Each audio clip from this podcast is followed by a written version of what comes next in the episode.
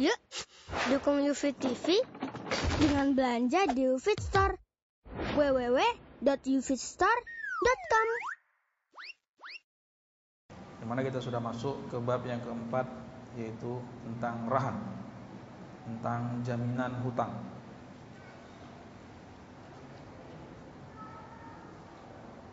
Masalah yang kedua yaitu yang berkaitan dengan hukum-hukum sekitar hutang yang ada jaminannya.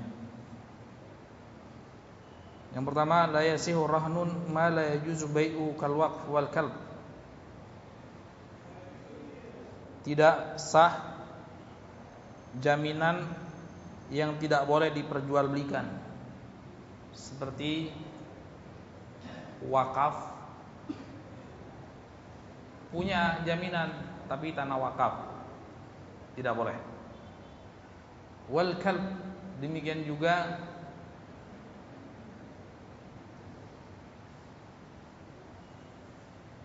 dicontohkan di sini anjing. Walaupun mahal harganya. Kenapa? Karena Rasulullah SAW naha an thamanil kalb. Rasulullah SAW melarang atau mengharamkan menjual beli anjing. Ya menjual beli anjing. Walaupun dalam hal pemeliharaannya ada pengecualian. Seperti anjing yang dipakai untuk berburu anjing yang dipakai untuk menjaga hewan ternak anjing yang dipakai untuk keamanan. Tapi tetap saja dalam hal jual belinya yang demikian diharamkan. Tapi kalau dikasih ya boleh saja. Orang dikasih anjing, kemudian anjingnya dipakai untuk keamanan dan lain sebagainya tidak masalah. Tapi kalau dengan membeli itu kemudian dengan menjual itu diharamkan oleh syariat. Kenapa? Liannahu la yumkinu ifa'ud dain minhu walahun ma la yamlik. Karena tidak mungkin kita bisa membayar hutang dengan harta yang sudah terlanjur diwakafkan atau harta yang diharamkan oleh syariat. Dalam ini misalnya anjing atau homer atau barang curian dan lain sebagainya. Wa yustaratu ma'rifatu qadrahan wa jinsu wa sifatuhu. Kemudian disyaratkan hendaklah jaminan atas hutang tersebut harus diketahui wujud, jenis, sifat dan berapa banyak atau berapa luas daripada yang dibuat untuk menjaminkan hutang. Kemudian yang ketiga, syarat yang ketiga ayyakunar rahin jaizat tasarruf firahan hendaklah orang yang memberikan jaminan hutang itu orang yang secara syariat dibenarkan untuk melakukan transaksi jual beli atau hutang atau hibah dan lain sebagainya. Malikan lil marhun atau ma'dunan lahu fi. Bisa jadi dia sebagai pemilik jaminan atau orang yang diizinkan untuk menjaminkan perwakilannya. Tidak masalah.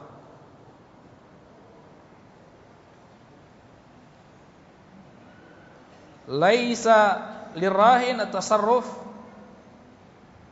firrahan bighairi ridal murtahin dan tidak dibenarkan orang yang memberikan jaminan untuk memanfaatkan jaminan tanpa ridho orang yang menerima jaminan. Jadi harus ada ridho. Ya, harus ada ridho seperti tadi kita sebutkan misalnya jaminannya ruko. Ini tidak boleh serta merta si pemberi jaminan memanfaatkan untuk menyewakan sesuka-sukanya tidak bisa. Dia harus dengan kesepakatan dengan orang yang menerima jaminan tersebut. Ya. Tapi wala yamlikul murtahin zalika bighairi ridha rahid. Dan sebaliknya tidak boleh semerta serta merta orang yang menerima jaminan menguasai atau memiliki jaminan tersebut tanpa ridho orang yang Nah di sini di garis bawahi yamlik. Kalau tadi tasarruf. Ini beda. Ya, beda. Kalau tadi kalau orang yang memberikan jaminan tidak boleh memanfaatkan tanpa ridho. Tapi yang orang yang menerima jaminan bukan tidak boleh memanfaatkan, tapi tidak boleh memiliki. Ya, beda kan? Tidak boleh memiliki tanpa ridho. Artinya kalau sudah sekiranya hutangnya memang tidak sanggup bayar, udah ambil saja. Dia miliki. Ya, di sini tidak dikatakan tidak boleh tasarruf, tidak boleh memanfaatkan. Memang memang tidak boleh dimanfaatkan. Memang tidak boleh dimanfaatkan dari satu sisi. Si pemberi pinjaman atau yang menerima jaminan tidak boleh memanfaatkan dari satu sisi. Ya dia sewakan sesuka-sukanya. Ini haram dengan sepakatan para ulama. Ada sebuah hadis yang mengatakan walaupun mutakallamun fi kullu qardin jara naf'an fa riba setiap pinjaman yang ada kemaslahatan, kemanfaatan yang kembali kepada si meminjam, yang meminjamkan maka itu adalah riba. Nah, kita berikan solusi tadi yaitu caranya dengan dimanfaatkan oleh si, pem, si penerima jaminan. Dia sewa dengan sewa dengan harga yang lumrah. Dia sewa dengan dia sewa dengan harga pasar, maka yang demikian tidak tidak masalah. Artinya tidak sampai terjatuh ke dalam hal yang diharamkan oleh Allah Subhanahu wa taala.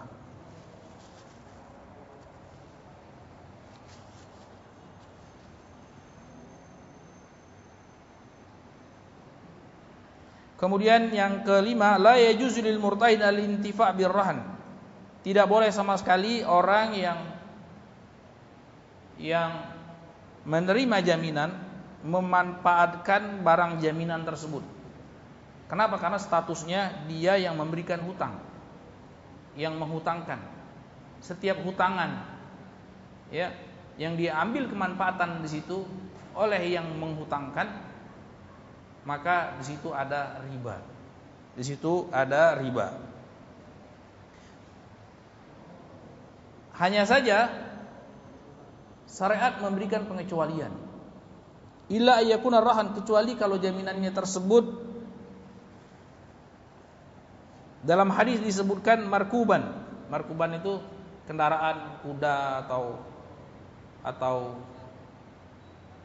onta keledai ya. Ini atau mahluban atau jaminannya hewan sapi atau kambing perah yang dimanfaatkan susunya. Maka orang yang menerima jaminan alias yang memberikan pinjaman, memberi hutang, maka dia boleh memanfaatkannya. Boleh juga memerahnya selama dia bertanggung jawab untuk memberi pakannya. Ini pengecualian. Pengecualian. Kenapa? Karena kita katakan tadi syariat Islam itu adalah syariat yang mulia. Tidak mungkin tidak mungkin membiarkan harta itu terbuang dengan cuma-cuma. Artinya apa? Artinya tatkala seseorang menerima jaminan onta, menerima jaminan sapi, ya. Kemudian sapi dan onta itu dibiarkan begitu saja. Tidak dimanfaatkan, tidak digerakkan, tidak dikasih makan, ya mati dia. Kalau begitu ada jalan tengahnya. Jalan tengahnya harus dikasih makan. Kalau yang memberi makan itu adalah si pemberi jaminan kan capek dia harus bolak-balik ngasih makan. Tapi di sini syariat memberikan keringanan. Yang menerima jaminan boleh dia kasih makan. Boleh dia kasih makan. Tapi sebagai imbalannya sepantasnya sepantasnya dia juga boleh memanfaatkannya. Dan hal ini ya, hewan kalau tidak digerakkan kan sakit dia. Sebagaimana orang ya tidak bergerak juga sakit. Hewan juga dia harus e, kalorinya dia makan dia dibakar kalorinya tersebut dengan jalan dengan digerakkan. Jadi ini untuk kemaslahatan bersama. Ya, untuk kemaslahatan bersama. Jadi bukan kemaslahatan dari satu sisi saja. Jadi baik ini kemaslahatan untuk kedua belah pihak. Jadi kita sebutkan tadi kullu qardin jaranafan wa riba setiap pinjaman yang ada kemaslahatan di situ adalah riba, itu maksudnya kemaslahatan yang murni kembali kepada si penghutang, si pemberi hutang, si pemberi eh, apa? pinjaman. Tapi kalau sekiranya ada sisi kemaslahatan bersama, maka syariat dalam batas-batas tertentu memberikan keringanan dan kebolehan serta izin termasuk dalam hal ini ya, ini kan untuk kemaslahatan bersama ya, supaya eh, kambingnya atau sapinya itu tetap sehat walafiat akan tapi dikatakan oleh Syekh Nusaimin rahimahullah tidak boleh dikiaskan dengan kendaraan yang ada sekarang ya. ya tidak boleh dikiaskan dengan kendaraan yang sekarang untuk dieksploitasi sejadi-jadinya jadi kebetulan dia dapat jaminan mobil, ya udah mobil tersebut dia rentalkan sesuka-sukanya. Nah ini kan sudah bertentangan jadinya. Dia sewakan, dia rental dan lain sebagainya. Tidak. Jadi diberi keringanan sekedarnya saja, dipakai sekedarnya saja. Jadi kalau misalnya pun kendaraan tersebut yang kita, kita pakai sekedarnya saja. Ya. Kemudian kalau memang membutuhkan untuk apa diisi bensin dikasih bensin, kalau diganti oli diganti oli seperti itu. Jadi bukan tapi bukan dieksploitasi sejadi-jadinya. Kenapa? Demikian juga sama. Kendaraan kan kalau tidak dipanaskan, ya, tidak dijalankan sekedarnya, dia juga akan akan rusak kan?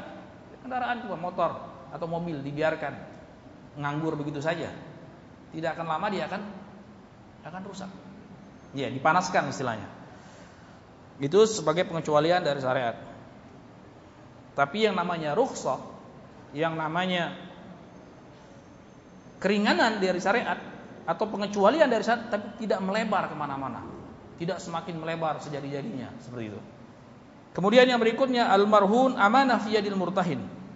La yadmanu illa bita'addi bahwasanya jaminan yang diterima jaminan yang diterima oleh orang yang memberikan hutang yang menghutangkan itu adalah amanah sebagai titipan sebenarnya yang ada pada dia. Sehingga apa? Sehingga konsekuensinya menurut syariat la yadamanuhu illa bitaddi. Dia tidak bertanggung jawab atas kerusakan barang yang dia titipkan, yang dititipkan tersebut, jaminan tersebut kecuali dengan kelalaian, keteledoran maupun kezaliman. Artinya apa? Artinya mobil yang yang ada pada kita karena kita yang meminjamkan dan itu sebagai jaminan. Ini kita kalau sekiranya mobil tersebut terbakar atau kalau sekiranya mobil tersebut terendam banjir kita tidak didenda. Kenapa? Karena yang namanya banjir bukan bukan kemauan kita. Demikian juga kebetulan mungkin sekampung terbakar dan mobilnya juga terbakar bukan tanggung jawab kita. Ini tidak tidak tidak tidak diwajibkan untuk mengganti rugi kecuali dengan taadi dengan kezaliman yang atau kelalaian yang dilakukan. Dia semestinya ada garasi dia taruh di luar. Ya, sudah tahu di situ daerahnya rawan dia biarkan begitu saja kemudian hilang. Maka dia tanggung jawab. Dia tanggung jawab karena dia telah lalai. Ya. karena dia telah lalai dia tidak masukkan ke garasi dia tidak kunci pintunya dia biarkan di pinggir jalan misalnya sehingga hilang. Iya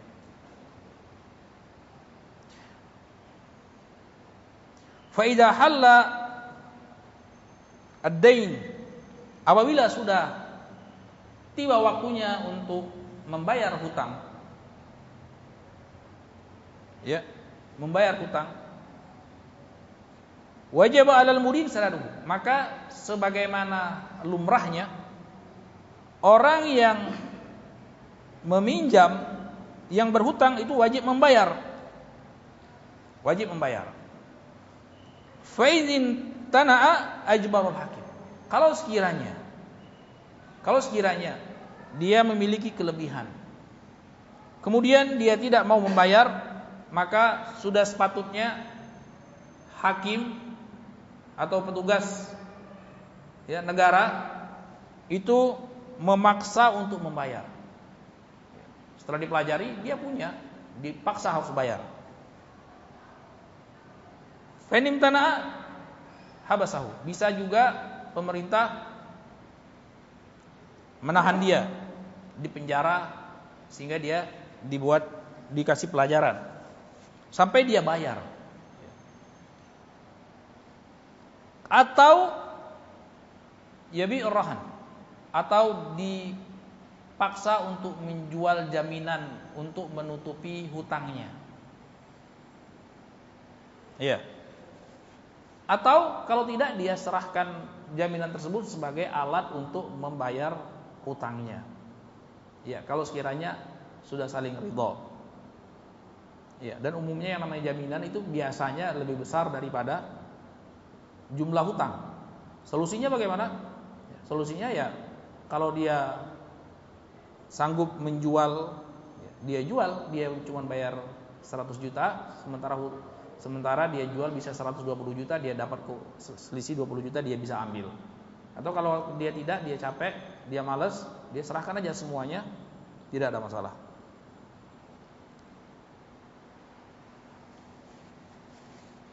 Kemudian yang berikutnya ikhwan fiddin wa akhwati billah rahimanallahu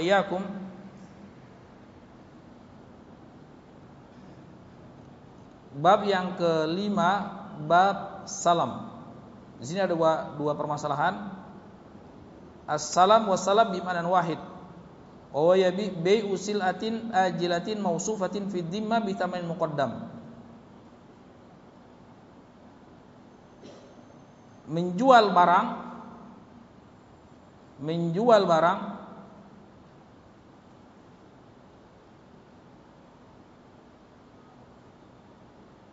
tapi dengan tempo. Jadi yang yang yang dibuat tempo bukan uangnya, tapi barangnya. Barangnya nanti akan tiba, akan ada dua bulan atau tiga bulan kemudian. Ya, uangnya segera, uangnya segera. Ya, biasanya kan uangnya belakangan, barangnya segera. Ini uangnya segera, uangnya segera. Ya, uang segera. Mausufatin bizimmah. Tapi dia dikasih Barangnya mana? Ya nanti dicari dulu, belum ada sekarang. Ini uangnya segera, butuh berapa? 100 juta misalnya. 100 juta. Barangnya nanti kapan-kapan. Ya. Tapi dengan persyaratan tertentu dibolehkan. Dalilnya apa? Dalilnya Ibn Abbas. Qadima Rasulullah sallallahu alaihi Madinah wa hum yuslifuna fit timar as-sana was sanatain.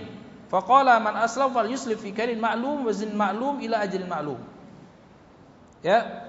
Bahwasanya Rasulullah SAW bersabda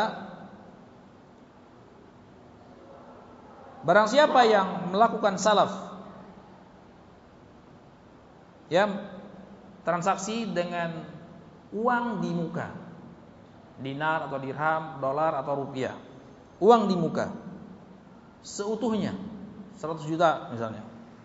Ini values fi maklum.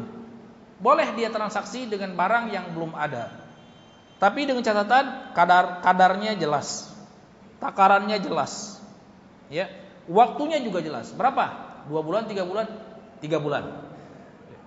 Jenis berasnya apa? Jenis berasnya ini. Dia kasih rinciannya. Ya. Berapa?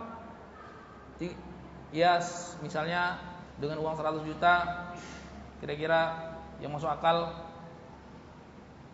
e, eh, 50 ton misalnya nggak tahu saya ya. ini ya udah nanti si dengan tiga atau lebih layak mungkin sekali panen 4 bulan nah ini si penerima salat dengan modal 100 juta dia kerja. Ya, dia kerja e, bisa juga dia garap sawahnya atau dia beli kepada pihak lain dan lain sebagainya. Pokoknya di di waktu empat bulan kalau dalam hadis ini disebutkan setahun dua tahun. Ya, setahun dua tahun uang di muka nanti dibayar dengan barang belakangan ya dibayar di zaman Rasulullah SAW bisa korma bisa e, kismis bisa gandum dan lain sebagainya. Ini boleh. Ya. Kalau dengan kadar yang jelas. Ini keringanan dari syariat. Keringanan dari syariat.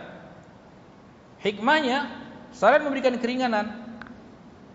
Ini kenapa? Fal muzari masalah. Misalnya biasanya dikasih contoh di sini petani itu tidak punya modal untuk apa menanam padi. Ya menanam padi. Daripada dia pinjam uang di bank riba ada yang menawarkan seperti ini. Ada sama-sama sudah belajar bab riba ya udah kita cari solusi. Saya pinjam saya beli ya bukan pinjam kan saya beli ini dengan uang di muka 100 juta kira-kira dapat berapa?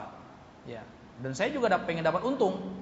Ya kalau 100 juta misalnya kalau uang cash mungkin mungkin cuman 10 ton ya. Tapi kalau dengan uang di muka barang belakangan mungkin dia bisa dapat 20 ton atau 15 ton seperti itu misalnya ini saya tidak tahu harganya berapa yang pas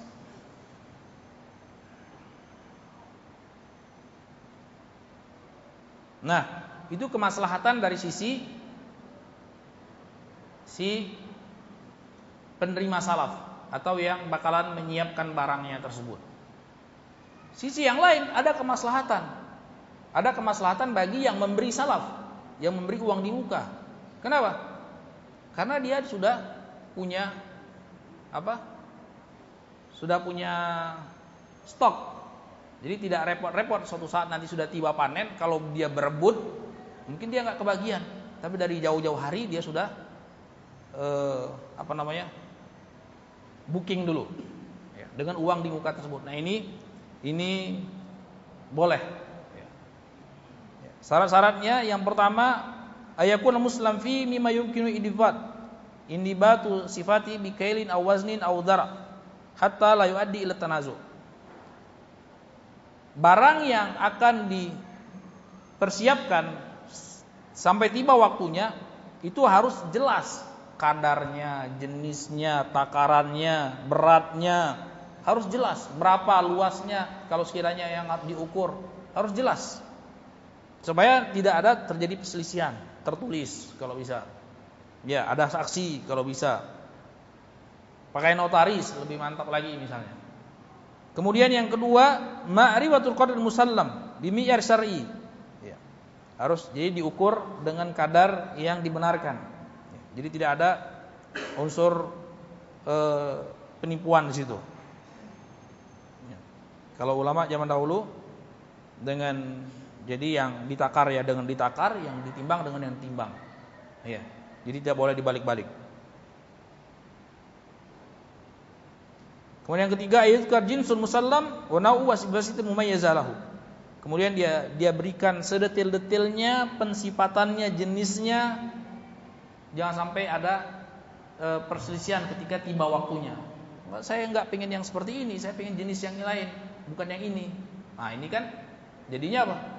Jadinya ada e, tanazu, ada perdebatan nantinya ada silang pendapat nantinya. Maka ditutup seperti itu. Kemudian yang keempat ayakuna dainan fi zimmah. Jadinya apa? Jadinya barang yang disiapkan untuk tiba waktunya dibayarkan itu jadi hutang. Ya kan? Jadi hutang. Jadi dia jadi hutang barang. Kalau biasanya orang hutang uang, ini hutang barang. Ya, ini hutang barang. Kemudian ayakuna muajjalan, ya. Ini sesuai dengan konsep salam itu sendiri. Yang namanya salam itu salaf itu sudah jelas uangnya di muka, barangnya belakangan. Gitu. Ayakuna ajal makluman mahdudan min tarafin. Hendaklah waktunya itu jelas jelas sampai kapan yang sekiranya ketika waktu tiba itu barang ada ya barang ada Ya, jadi pas kira-kira misalnya kapan? 4 bulan, 5 bulan panen tiba. Ya, panennya tiba. Tapi kalau pas musim misalnya e, di bulan apa yang kira-kira pas? Ya, di bulan penghujan, di musim penghujan. Ya, kalau sekiranya di musim kemarau kan tidak ada. Maka itu akan menyulitkan suatu saat. Kemudian yang ketujuh ayak bidut saman kamilan makluman fi majlis al-aqd qabla tafarruqiha. Hendaklah uang yang 100 juta kita contohkan tadi itu diterima semuanya di majelis akad sebelum mereka berpisah. Sebelum sebelum deal itu sudah terima uangnya. Kemudian yang kedelapan kaunul musallam muslam fi mimma yaglib wujuduhu inda hululil ajal hatta yusallimahu lahu fi waqtihi fa illam yakun mawjudan karutab fi syita lam yasih li'annahu gharar ya kemudian syarat yang kedelapan hendaklah barang yang hendak diserahkan itu umumnya ada ketika waktu yang telah ditentukan ya kenapa demikian supaya terhindar dari gambling atau goror. Jadi ketidakjelasan. Seperti apa dicontohkan? Seperti beli rutop. Rutop itu korma yang belum terlalu matang. Ya. Korma yang belum terlalu matang. Kalau yang kita sering makan kan korma yang yang matang kan. Ya. Korma yang rutop itu korma yang belum terlalu matang tapi sudah layak untuk dimakan. Ya rasanya mirip-mirip sawo gitulah. Mirip-mirip. Tapi lebih enak. Ya. Nah ini tidak boleh. Beli rutop dengan cara salam tapi pas masuk musim dingin. Kenapa? Karena rutop itu tidak akan ada di musim dingin. Dia baru muncul, korma itu baru mulai matang musim panas atau menjelang musim panas. Ya, menjelang musim panas ini goror yang demikian. Termasuk juga syaratnya bukan dari jenis ribawi. Ya. Maksudnya apa? Bukan dari sama jenisnya. Jadi uang dengan uang. Ya. Saya butuh rupiah. Ini saya kasih uang dolar 100 juta saya bu, secara, apa namanya 100 juta saya butuh dolar. Kapan? Saya ambil bulan depan. Nah, ini tidak boleh. Sudah lewat pembahasannya kan? Ini yang bukan satu kelompok, ya, bukan mata uang dengan mata uang. Ya, bukan juga eh, makanan pokok dan makanan pokok. Ya. Saya nih kasih beras raskin seribu apa namanya 100 ton. Ya, ini saya kasih dengan imbalan beli beras yang rojo lele yang bagus ya, dengan mungkin 30 ton atau 50 ton jarak jarak dua bulan ini juga haram tapi dia harus tidak boleh satu jenis jelas ini kan sudah lewat penjelasannya pada pertemuan yang lalu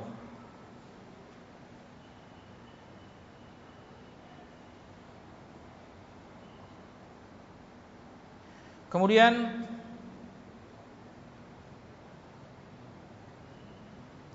yang keenam bab yang keenam itu tentang hawalah.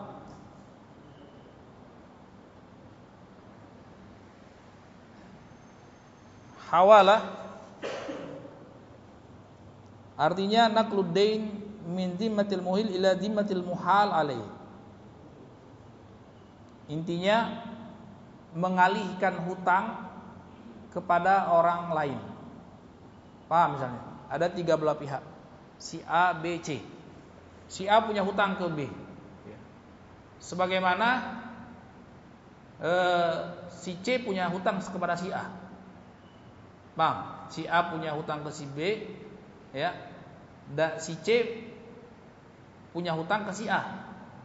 Si A bilang, ya saya kan punya hutang sama kamu. Ya. Saya bayar ambil dari si si C. Itu namanya ihalah. Ini dibenarkan oleh syariat dengan syarat-syaratnya. Ini disyariatkan. Disyariatkan. Rasulullah SAW bersabda dari hadis Abu Hurairah radhiyallahu taala "Idza utbi'a ahadukum ala mali'in falyatba." Apabila salah seorang di antara kalian dialihkan hutangnya dialihkan piutangnya kepada orang yang yang memang mampu dan mau membayar, maka hendaklah dia terima pengalihan tersebut. Jadi si A bilang ke si B, hutang saya sekian, ya, ambil dari si C, karena si C punya hutang ke saya. Ya. Tentunya dengan komunikasi terlebih dahulu bilang kasih tahu nanti uh, hutang saya bayar ke si B, ya bayar ke si B. Ini selama si C orangnya mali, mali itu dia punya kemampuan dan mau untuk membayar, bukan cuma mampu tapi tidak mau membayar. Dia harus mau dan mampu untuk membayar, maka kewajiban si B menerima pengalihan tersebut. Iya, ini keringanan dari syariat. Syaratnya yang pertama ridhal muhil. Hendaknya orang yang mengalihkan itu ridho, setuju. Ya, karena dia punya punya punya pilihan. Ya, punya pilihan. Bisa membayar dari uang yang ada pada dia, cash yang dia punya. Kalau sudah jatuh tempo, bisa juga kepada orang lain, dia punya uang juga tapi sama orang lain masih. Tidak harus dari uang cash yang ada pada dia. Ya, boleh lagi dari orang lain. Dia yang namanya hutang tidak mesti harus keluar dari ketika dibayar tidak mesti keluar dari dia. Orang lain mau membayarkan hutang kita karena itu uang kita sendiri atau itu uang dia tidak ada masalah. Kemudian yang kedua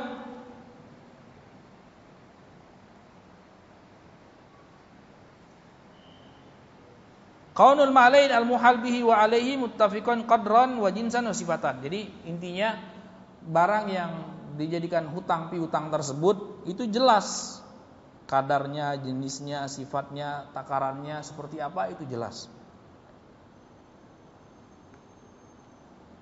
Kemudian yang ketiga yakunal muhal bihi dainan mustaqiran fi dhimatil muhal alaih. Jadi hutangnya itu hutang yang barangnya berupa hutang yang memang tetap yang ada pada orang yang diarahkan kepadanya. Jadi benar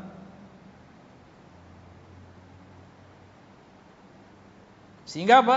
Sehingga ya tarattab ala inkir al hawala sahiha hasba ma dzakar al intiqal haq min zimatil muhil ila zimatil muhal. Jadi hutangnya berpindah. Kalau sudah sepakat antara ketiga belah pihak sudah sepakat secara otomatis hutangnya berpindah maka si A sudah tidak punya hutang lagi atas si B. Yang ada tinggal si B dengan si C. Ya.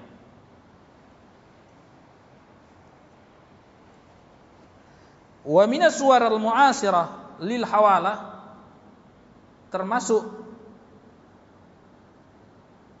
contoh-contoh kasus yang ada sekarang ini itu hawal al-masrafiyah. Seperti apa misalnya?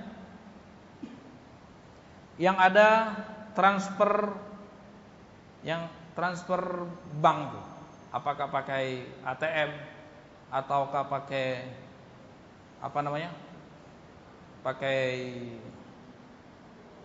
hmm, mobile banking atau internet banking seperti itu. Wa ya wasilatul lisanat mabaligh naqdiyah muqabil tasdid muqabilha min jihatin ukhra. Iya. Gambarannya seperti apa? Seseorang menyerahkan bisa jadi dia punya ya transfer bisa jadi dia punya apa namanya bisa jadi dia punya e, rekening atau tidak punya rekening jadi dengan slip setoran dia setorkan ke rekening yang bersangkutan yang hendak dia tuju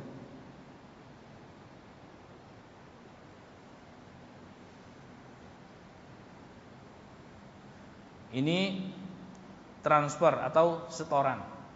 Ya, tidak ada masalah.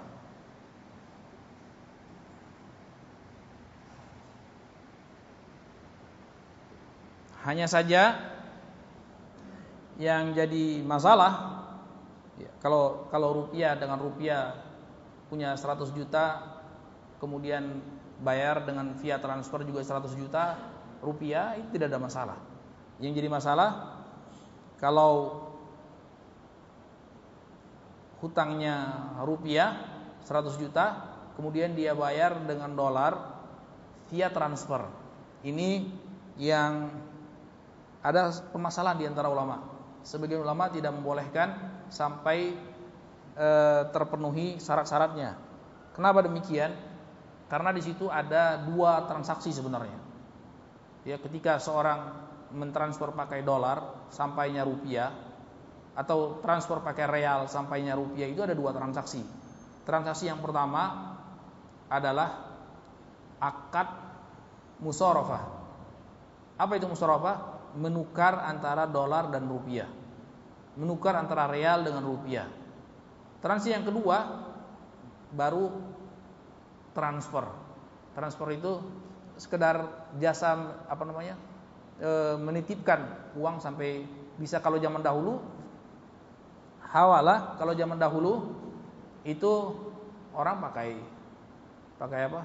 Pakai kuda, ya, pakai kendaraan, bawa uangnya atau bawa e, semacam jaminan kirim ke orang yang dituju ya, dari naik e, kendaraan dari Jogja ke Klaten zaman dulu. Kalau zaman sekarang Allah kasih kemudahan pakai e, via rekening saja.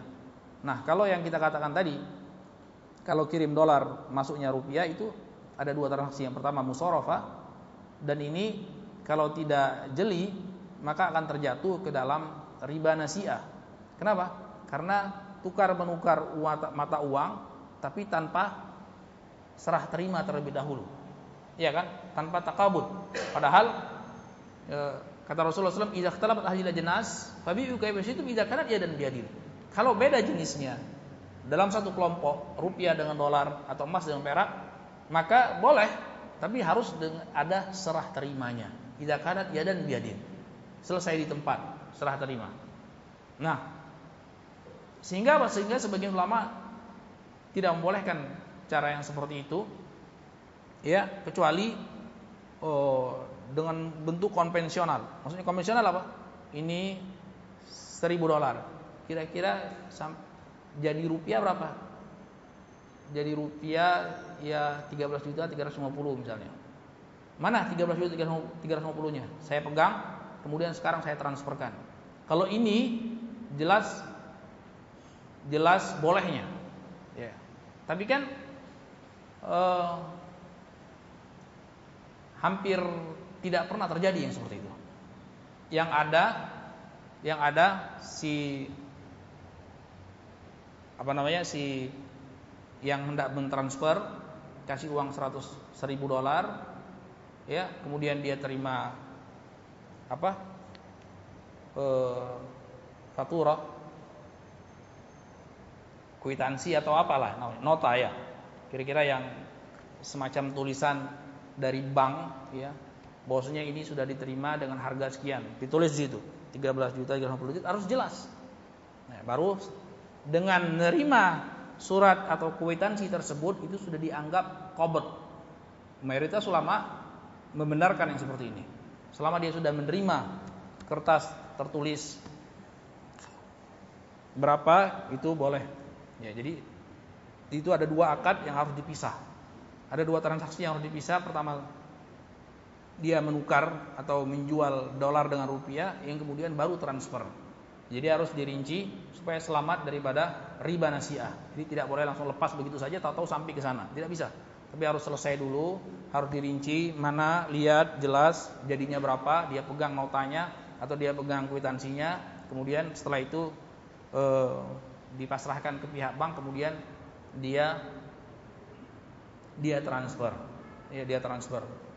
Ini tidak harus uangnya ada pada bank tersebut, ya, bank cabang misalnya Sleman, atau bank cabang kalau dari Amerika misalnya di pelosok gitu, tidak harus bisa jadi di pusatnya ada pusatnya ada stok rupiah misalnya, tidak ada masalah. Ya.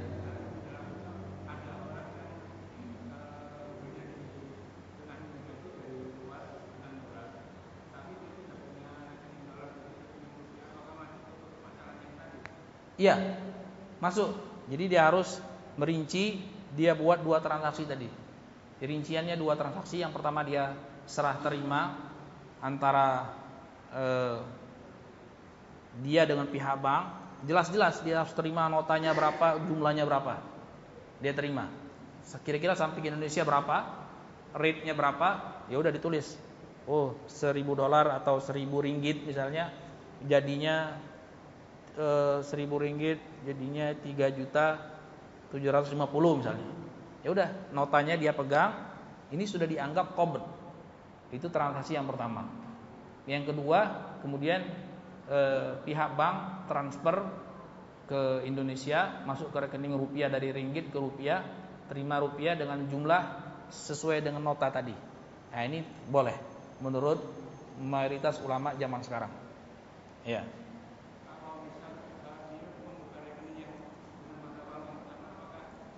Ah itu jelas, jelas amannya. Ya kalau itu jelas amannya, ya tidak tidak tidak diragukan lagi eh, apa namanya kehalalannya, jelas itu. Itu lebih jelas amannya. Ya.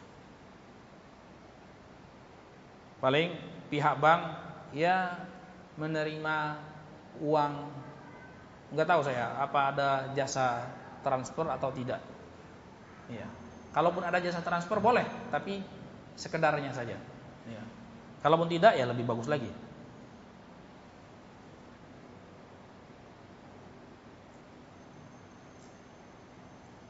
Ini masalah subtajah tadi sudah kita sebutkan. Ya, menurut pendapat yang benar itu boleh.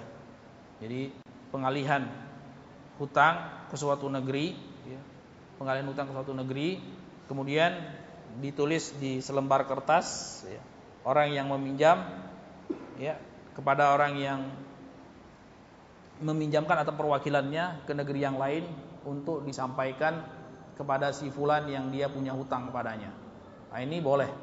Ya, ini tidak termasuk kulukordin jaronafan riba. Karena sebagian ulama mengharamkan permasalahan ini karena di situ ada manfaat. Manfaat apa? Manfaat orang yang menerima. Ya, orang yang menerima eh, subtaja tersebut pengalihan utang tersebut dia merasa aman ya, merasa aman dengan e, kemudian merasa aman kemudian merasa mendapat fasilitas dialihkan ke suatu negeri dan aman tidak sampai e, apa namanya dirampok atau sebagainya dengan kertas yang sebagai jaminan tersebut. Jadi ada tulisan tanda tangan kemudian cap bahwasanya ini pengalihan hutangnya.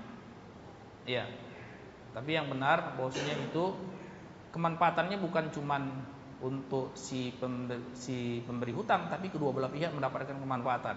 Kita sebutkan tadi bahwasanya kemanfaatan kalau ada dari dua sisi, maka sisi pemberi hutang dan sisi yang berhutang yang demikian itu tidaklah e, termasuk hal yang dilarang secara syariat. Kemudian yang terakhir sebelum kita tutup kita bahas tentang uh, akad yang terjadi pada uh, asuransi. Karena ini sepertinya umum kita jumpai. Secara garis besar pola pola asuransi itu ada dua. Pola asuransi ada dua. Diistilahkan ulama karena ini masalah yang kontemporer tidak kita jumpai di zaman dahulu. Tidak kita jumpai di zaman dahulu.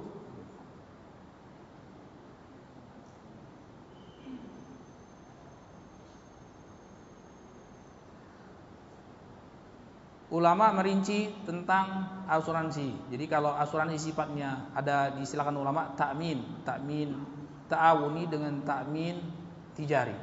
Ya, asuransi yang sifatnya perdagangan ya mengambil kemanfaatan dari eh, pihak yang mengikuti asuransi keuntungan maka ini eh, haram menurut pendapat mayoritas ulama zaman sekarang. Ya. Menurut pendapat mayoritas ulama zaman sekarang. Seperti apa itu? Seperti misalnya asuransi jiwa atau asuransi eh, kendaraan atau asuransi eh, rumah atau kapal eh, kargo misalnya. Jadi di, diasuransikan kalau sekiranya ada kecelakaan maka dia akan mendapatkan e, dengan dia ikut asuransi dia akan mendapatkan ganti ruginya. Tapi kalau tidak ada maka pihak perusahaan asuransi akan mendapat keuntungan sebesar-besarnya. Ya, kalau asuransi yang seperti ini maka yang demikian e, diharamkan ya. Diharamkan menurut pendapat mayoritas ulama. Kenapa demikian? Karena akad asuransi yang sifatnya perdagangan ngambil keuntungan ya, sebesar-besarnya dari pihak ya perusahaan asuransi ini ada di istilah ulama muawadat maliyah ya.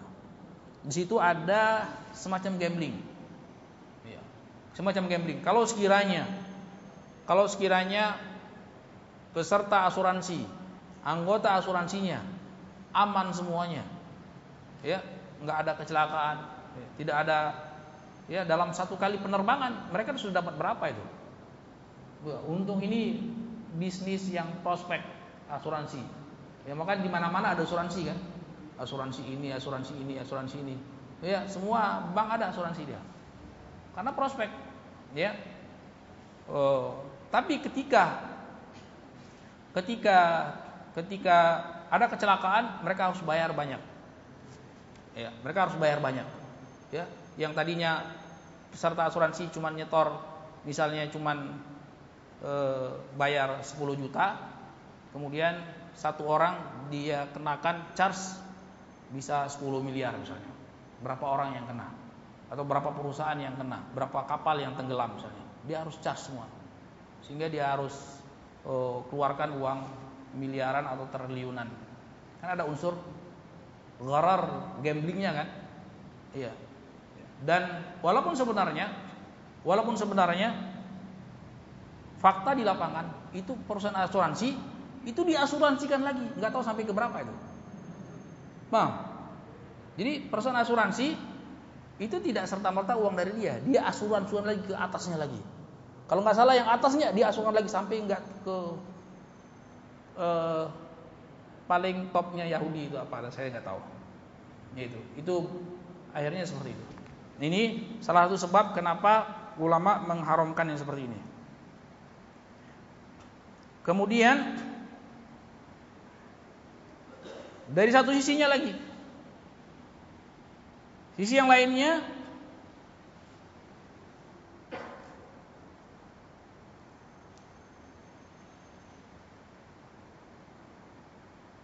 Di situ ada riba fadl dan nasiah. Ada riba fadl dan nasiah. Maksudnya apa? Maksudnya ketika peserta asuransi, nasabah yang ikut asuransi. Mengansurasikan jiwanya atau hartanya. Ya dengan harap. Dia kan tidak cuma-cuma kan? Dia tidak cuma-cuma dia berharap itu uang kembali dengan lebih besar lagi. Maka di sini ada dua riba. Kita sudah belajar. Pertama riba fadl. Kenapa riba fadl? Kenapa? Kenapa riba fadl? Mas Andri asuransi ada riba fadlnya kenapa karena Hah? Karena Iya. Ada dia misalnya dia kasih 10 juta kembali 1 M, itu yang 990 juta ini dari mana? Itu riba fadl. Kemudian riba nasiah. Riba nasiah dari mana? Karena di situ ada jeda waktu. Ya, jadi terkumpul di situ ada dua jenis riba sekaligus. terkumpul di di asuransi tijari. Asuransi tijari itu yang seperti ini yang mengambil keuntungan. Ya perdagangan. Tijari itu asalnya perdagangan. Ini sebenarnya konsepnya bukan mereka konsep sosial tidak. Tapi konsepnya mengambil keuntungan dari e, dengan premi-premi yang mereka serahkan kepada nasabah. Ya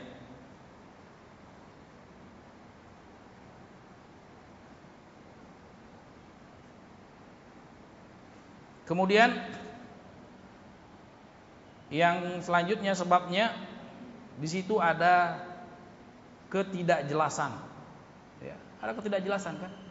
Siapa tahu dia untung, siapa tahu dia enggak ya. Kalau memang saya tidak celaka ya alhamdulillah, paling saya rugi cuma 10 juta. Ya. Kalau tidak kebakaran ya paling cuma saya rugi 10 juta, tapi kan kalau kebakaran saya dapat. Ya, seperti itu. Ini ketidakjelasan ini hampir sama dengan dengan gambling sifatnya.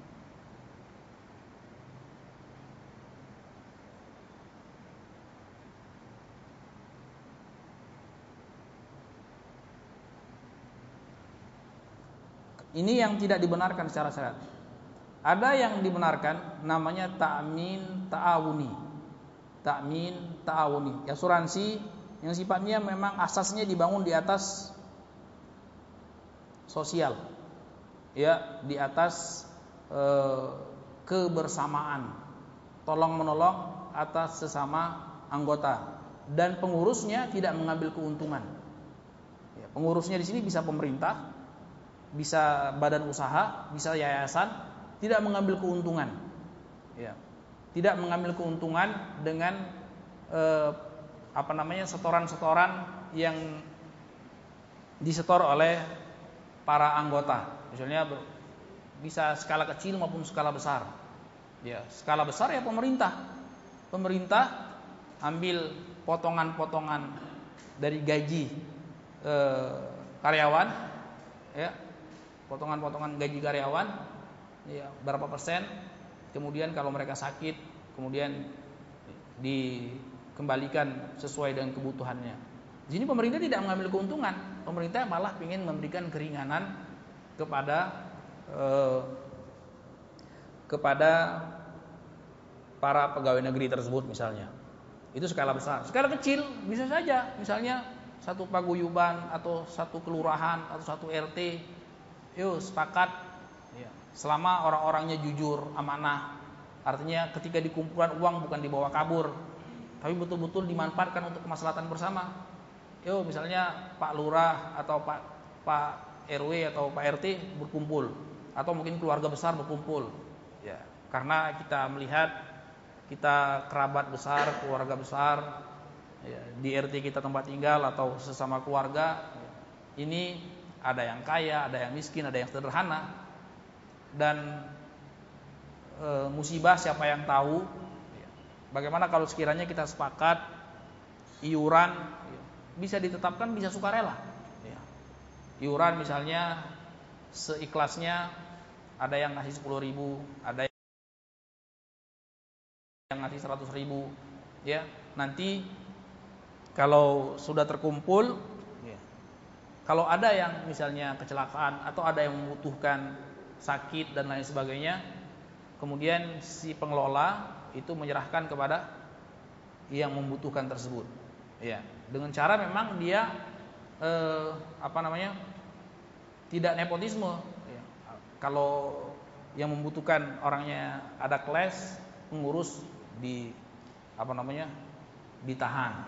Bukan seperti itu. Tapi betul-betul landasannya tidak ada kaitannya dengan e, hubungan ke kedekatan atau tidak. Yang penting betul-betul yang berhak maka diberikan haknya. Nah ini ini namanya takmin ta'awuni. Tidak ada masalah. Diperbolehkan. Ya, sudah ada contohnya dalilnya di zaman Rasulullah SAW itu keluarga besar sahabat Ash'ariyin. Ya, sahabat besar ya sahabat keluarga besar sahabatnya Abu Musa al-As'ari itu. Abu Musa al-As'ari ini dan para keluarga besarnya ini terkenal dengan kebersamaannya. Terkenal dengan kebersamaannya. Mereka kalau dalam ada dalam safar, dalam perang, dalam jihad atau dalam dalam apa namanya? di ketika mereka bermasyarakat di Madinah satu sama lainnya itu mereka sering kali e, mengumpulkan korma ya. korma masing-masing ngasih korma kemudian dibagi bersama-sama atau dibagi kepada yang membutuhkan. Nah ini sudah ada dalilnya dari zaman Rasulullah SAW ini tidak ada masalah. Kenapa? Karena dia tahu nih asasnya cuma asas sosial dan tidak ada satupun yang mengambil keuntungan di situ. Jadi pengelolanya, pengurusnya tidak mengambil keuntungan sama sekali dan tidak berhak dia mengambilkan mengambil keuntungan. Dia cuma sekedar asas tolong menolong saja di sini. Termasuk dalam ini pemerintah kalau sekiranya menerapkan sistem asuransi untuk kemaslahatan e, rakyat, masyarakat selama dia mereka tidak mengambil keuntungan ya.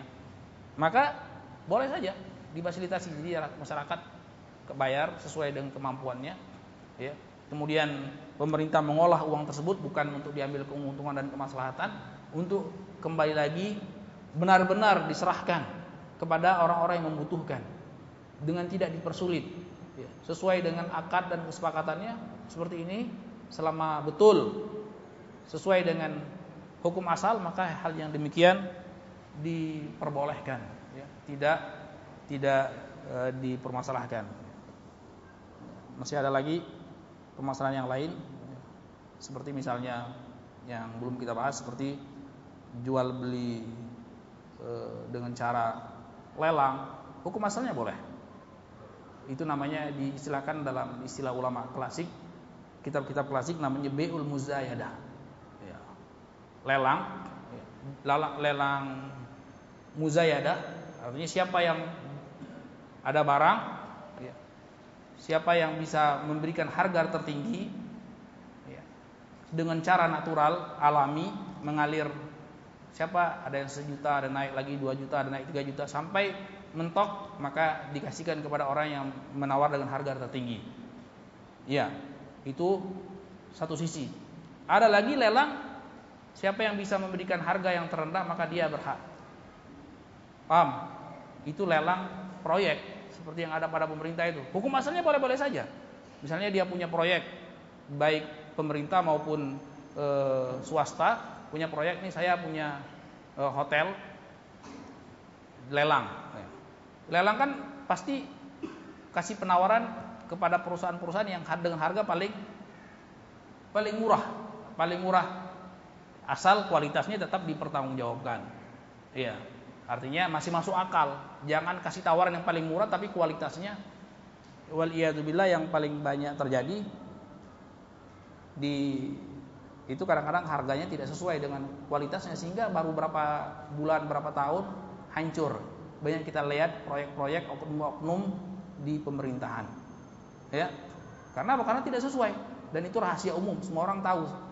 Iya, bahwasanya faktanya e, semestinya karena pingin pingin menang tender, ya, tender ya, lelangnya tendernya dilelang, menang tender, dia kasih harga yang tidak masuk akal sehingga terbengkalai. Seperti apa? Seperti proyek e, PLTU yang program sebelum 35.000 megawatt. Ya, saya ini soal tahu sedikit. Iya banyak yang terbengkalai sampai sekarang. Kenapa? Karena tidak sesuai. Pokoknya kasih harga yang penting menang. Ternyata tidak bisa direalisasikan. Akhirnya mangkrak. Ya, pemerintahnya baru nangis atau pura-pura nangis sekarang. Ya, ya ini. Yang penting dia dapat uang dulu banyak-banyak dia sudah pegang, padahal tidak bisa terwujudkan. Atau bisa terwujudkan, tapi ternyata tidak maksimal sama sekali. Ya, ada sebagian kasus. Ya, saya tidak ingin memanasi, cuman ini sekedar cerita fakta. Sebagian kasus PLTU. PLTU itu tahu? yang lumrahnya PLTU itu dari bahannya batu bara. Ya. Tapi karena dipaksakan, akhirnya apa? Akhirnya eh, tidak bisa dipakai, turbinnya tidak bisa dipakai, akhirnya kembali lagi kepada diesel. Sudah dibangun PLTU-nya ya, besar-besaran dengan harga e, triliunan, tapi karena kualitasnya jelek sekali, akhirnya kembali lagi kepada diesel. Sudah kepada diesel pakai solar lagi. Itu ada di sebagian tempat wal billah. Seperti ini akibat apa? Akibat lelang juga tender tapi dengan harga yang tidak masuk akal. Boleh. Jadi bai'ul muzayadah dengan bai'ul Kalau muzayadah itu dengan siapa yang paling harga tertinggi dia dapat berhak membeli barang tersebut. Munakasah siapa dengan harga yang paling rendah dan pantas dia berhak untuk mengerjakan suatu proyek tertentu dengan catatan tidak ada rekayasa di situ. Ya. Tidak ada rekayasa, mengalir natural, eh, natural di situ. Ya, insya Allah tidak ada masalah. Ya, wabillahi taufik. Eh, eh, kita lanjutkan nanti pada maghrib ya pada maghrib di masjid apa Pogung Raya. Ya, kita akan jawab pertanyaan. Wabillahi taufik wa sallallahu nabiyina Muhammad wa ala alihi wa sahbihi wasallam walhamdulillahi rabbil alamin. Subhanakallah bihamdika asyhadu an la ilaha illa anta astaghfiruka wa atubu ilaik. Wassalamu warahmatullahi wabarakatuh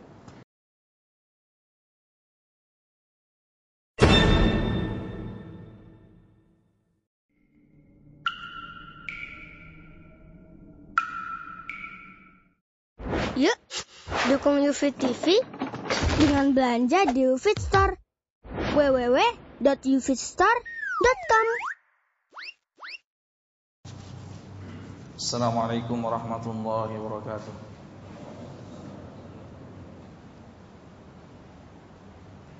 Alhamdulillah Nahmaduhu ta'ala wa nasta'inuhu wa nastaghfiruh ونعوذ بالله من شرور أنفسنا ومن سيئات أعمالنا. من يهده الله فلا مضل له ومن يضلله فلا هادي له. وأشهد أن لا إله إلا الله وحده لا شريك له وأشهد أن محمدا عبده ورسوله لا نبي بعده. اللهم صل عليه وعلى آله وأصحابه ومن تبعهم بإحسان وسلم تسليما مزيدا. يا أيها الذين آمنوا اتقوا الله حق تقاته ولا تموتن إلا وأنتم مسلمون. يا أيها الناس اتقوا ربكم الذي خلقكم من نفس واحدة وخلق منها زوجها وبث منهما رجالا كثيرا ونساء واتقوا الله الذي تساءلون به والأرحام إن الله كان عليكم رقيبا. يا أيها الذين آمنوا اتقوا الله وقولوا قولا سديدا يصلح لكم أعمالكم ويغفر لكم ذنوبكم ومن يطع الله ورسوله faza fawzan azima amma ba'd fa insyaallah taala kita akan lanjutkan pembahasan kita yang berkaitan dengan ahkam riba, hukum-hukum yang berkaitan dengan permasalahan riba. Pada pertemuan yang sebelumnya telah kita bawakan beberapa permasalahan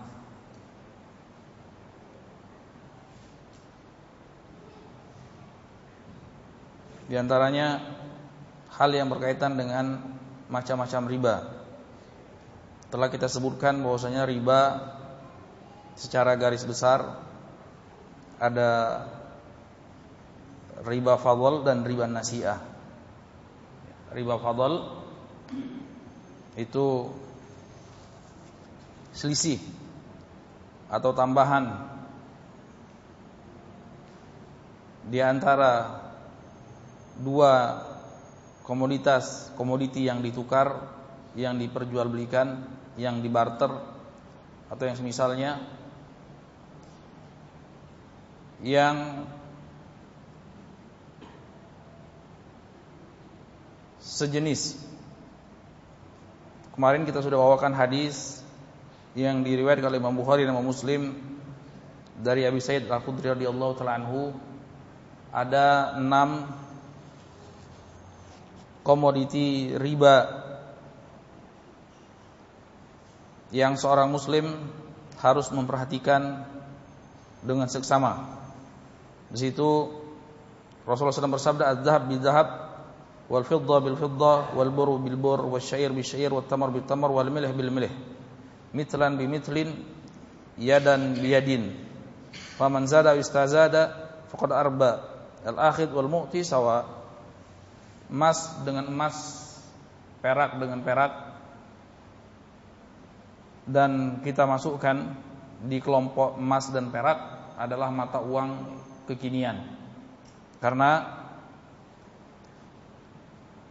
yang lumrah malah yang dijadikan alat tukar zaman sekarang adalah uang kertas.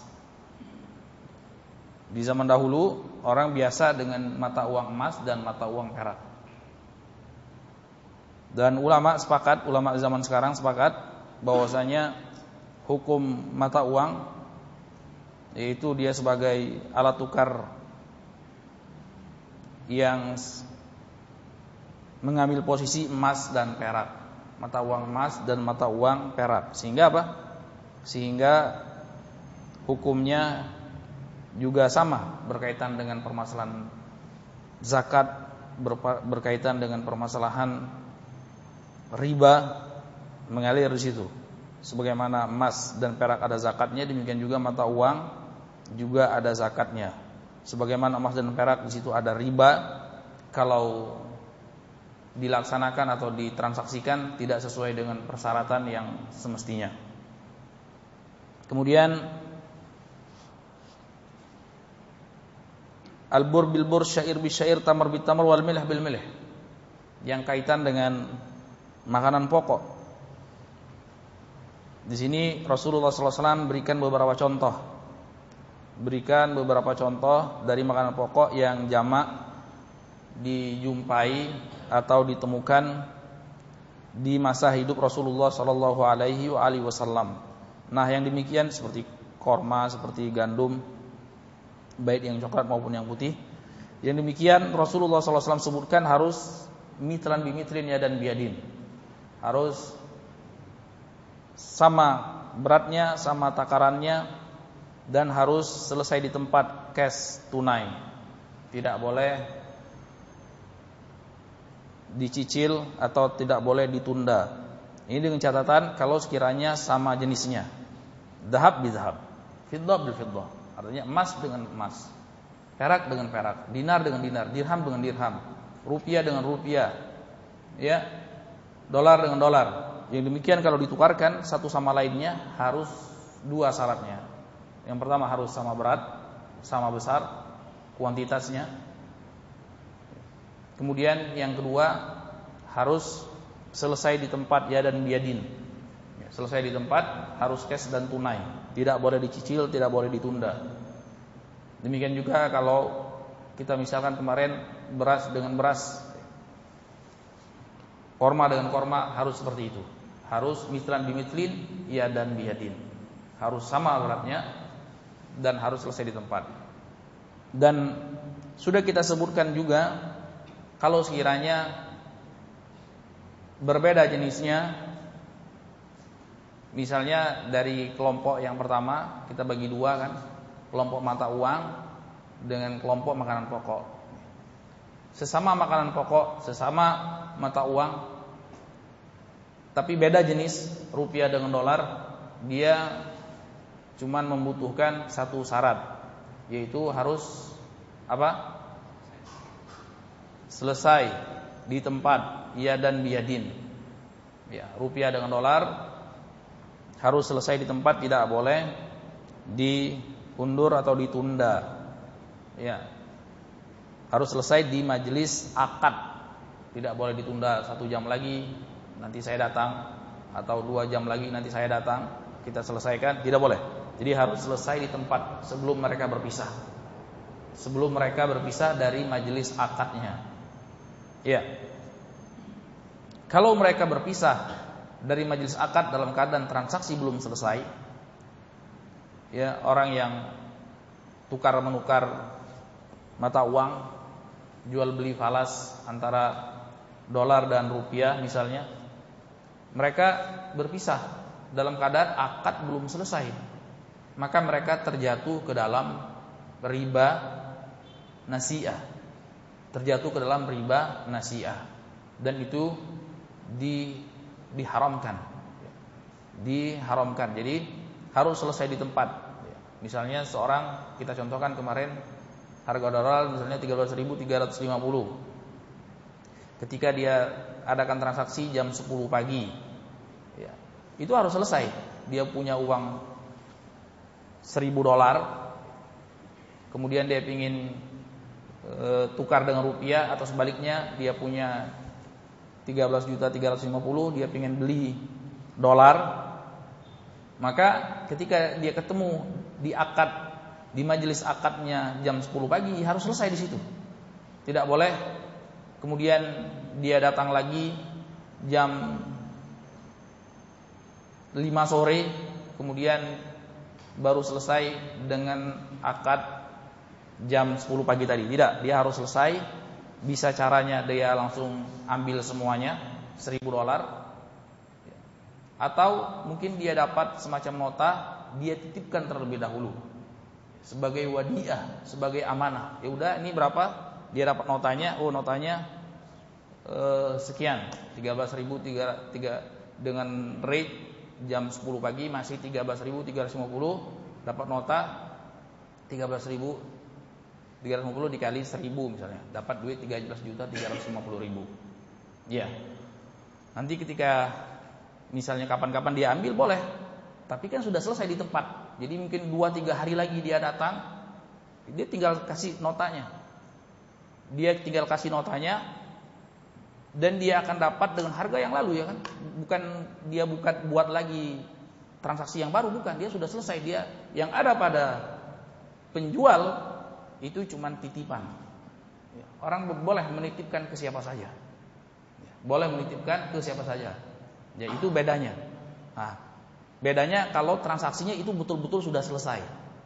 Tapi kalau transaksinya belum selesai, dia akan buat datang tiga hari berikutnya. Kalau transaksinya belum selesai, lihat bedanya. Kalau transaksinya belum selesai jam 10 pagi tadi, misalnya jam 10 pagi hari ini, nanti dia datang tiga hari lagi. Maka dia akan buat rate dengan hari yang ketiga itu. Ya, ternyata sudah turun. Ternyata turunnya 13 ribu 100 misalnya. Ya, atau naik 13.500 misalnya. Nah, ini tanda waktu tanda kalau dia sudah terjatuh ke dalam riba dan tanda kalau sekiranya transaksinya waktu yang pertama kali itu belum selesai. Ya ini harus bisa dibedakan, harus bisa dipahami. Demikian juga tatkala seorang seorang membawa seribu dolar ingin dia tukar dengan rupiah ternyata yang ada di stock money changer rupiahnya ya senilai separuh senilai 500 eh, 500 dolar senilai 500 dolar tidak ada masalah dia katakan saya kalau begitu saya transaksi yang 500 dolar saja. Ya. Dan 500 dolar saya titipkan.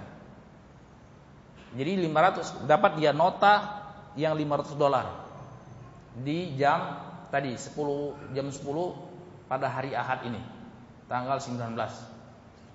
Kemudian kapan mau ambil lagi mungkin besok nah ketika dia ambil ketika dia datang lagi dia buat transaksi yang baru Ya, dia buat transaksi yang baru dengan harga yang yang sekarang kalau dia mau ambil. Ya, dengan harga yang sekarang. Karena apa? Karena tadi dia baru titip, dia titipkan. Dia baru e, titipkan saja. Itu boleh.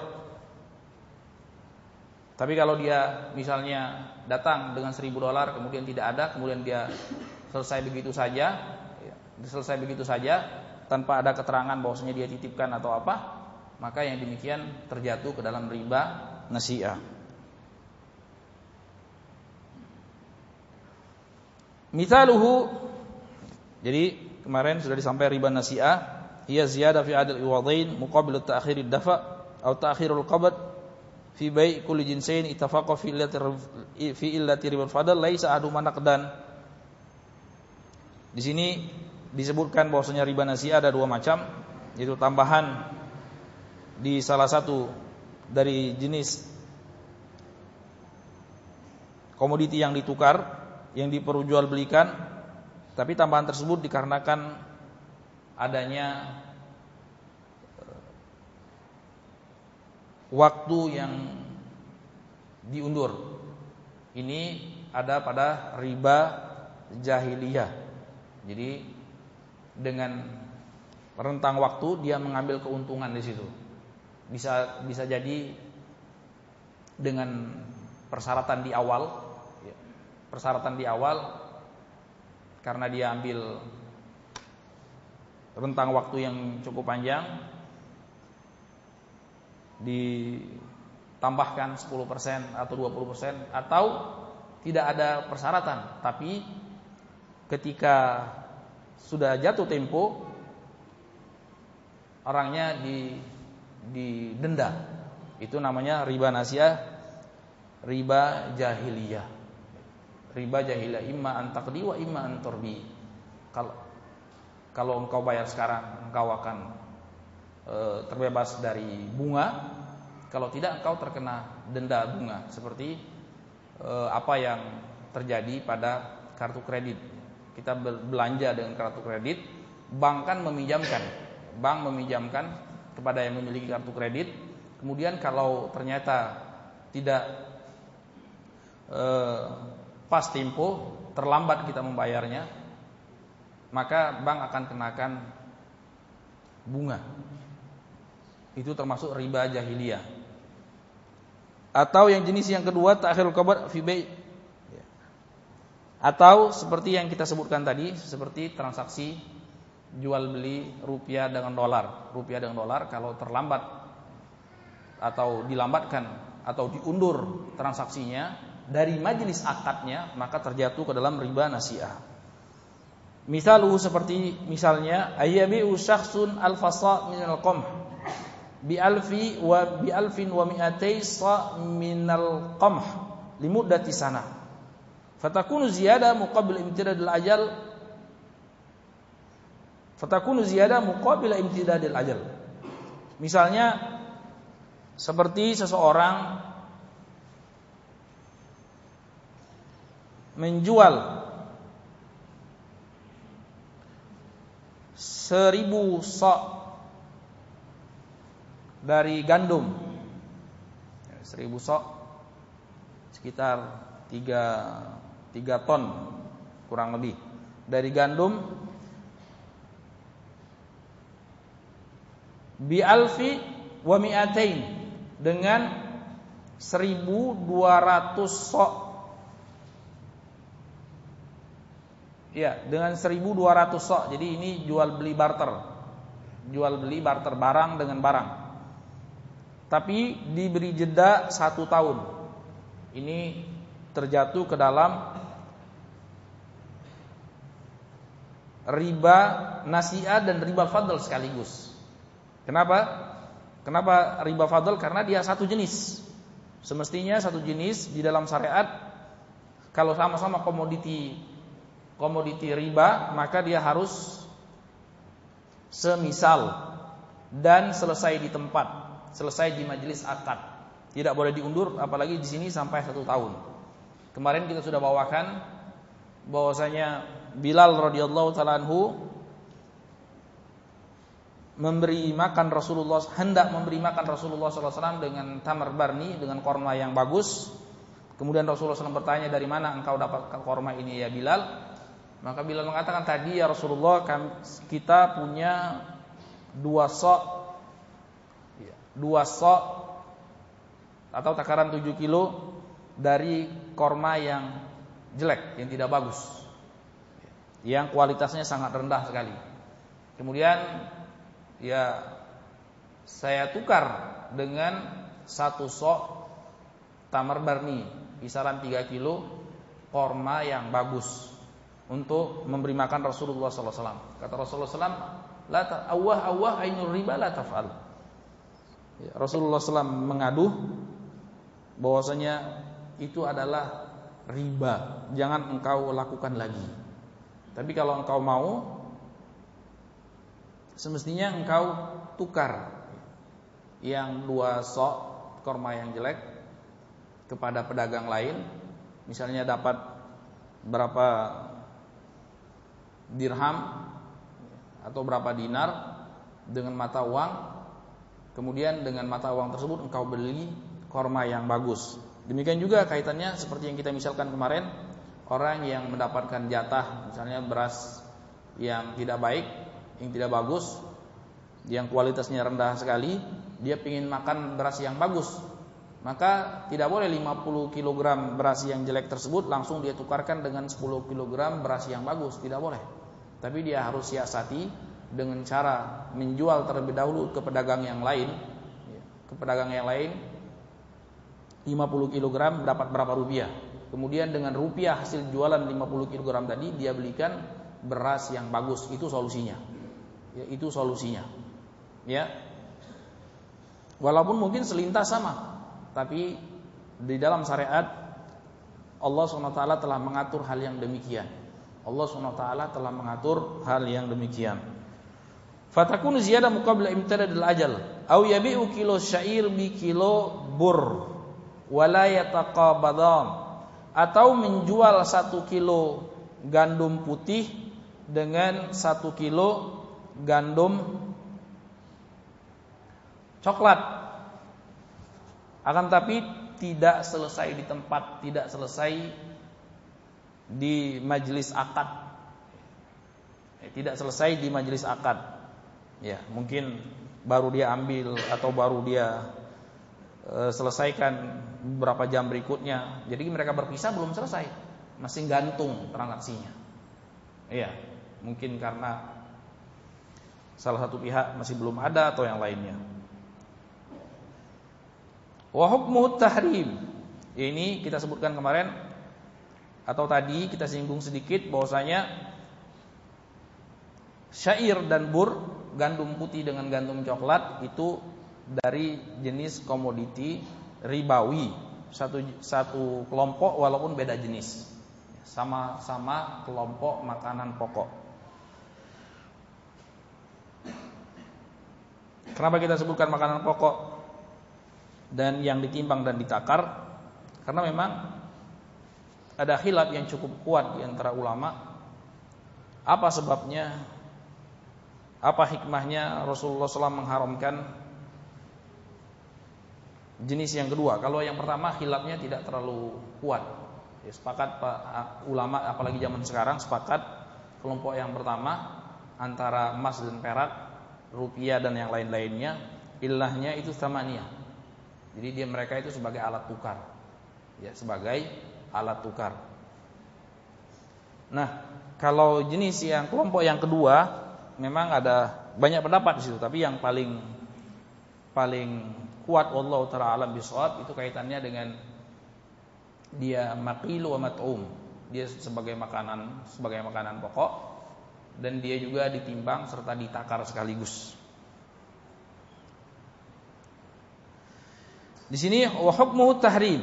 Hukumnya itu haram.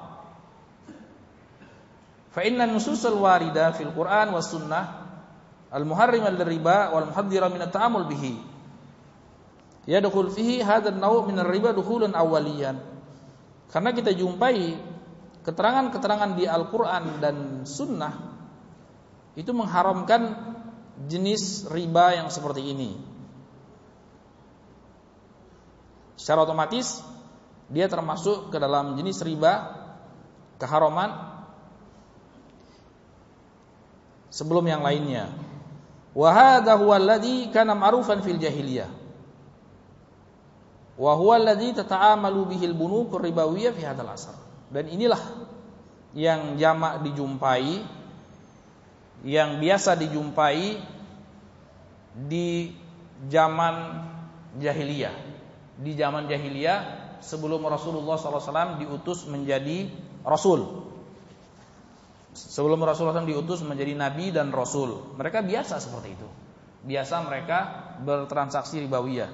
Jadi meminjamkan kemudian mengambil faedah dari pinjaman tersebut atau menjual tapi dengan cara dicicil kemudian diambil faedah apabila ada keterlambatan yang demikian adalah riba jahiliyah. Inilah yang juga jamak yang biasa kita jumpai di bank-bank ribawi. Ya, di bank-bank konvensional kita jumpai seperti itu. Ya, kita minjam atau kita butuh dana segar 100 juta, kemudian di charge per bulannya sekian. Itu jelas-jelas ribanya ini termasuk riba jahiliyah. Riba jahiliyah. An Nabi Sa'idin Al-Khudri ya radhiyallahu anhu qol kalau misalnya ulama memberikan solusi. Memberikan solusi ini secara teoritis. Prakteknya wallahu taala ada apa tidak? Orang yang ingin dapat modal dana segar misalnya ada ada solusinya. Tidak dengan cara seperti itu. Misalnya orang katakan sekarang kan susah untuk mendapat dana 100 juta terus kembali 100 juta. Iya kan? Hampir tidak kita jumpai. Nah, ulama memberi solusi itu dengan dengan tawarruk. Namanya bay tawarruk. Seperti apa bay tawarruk?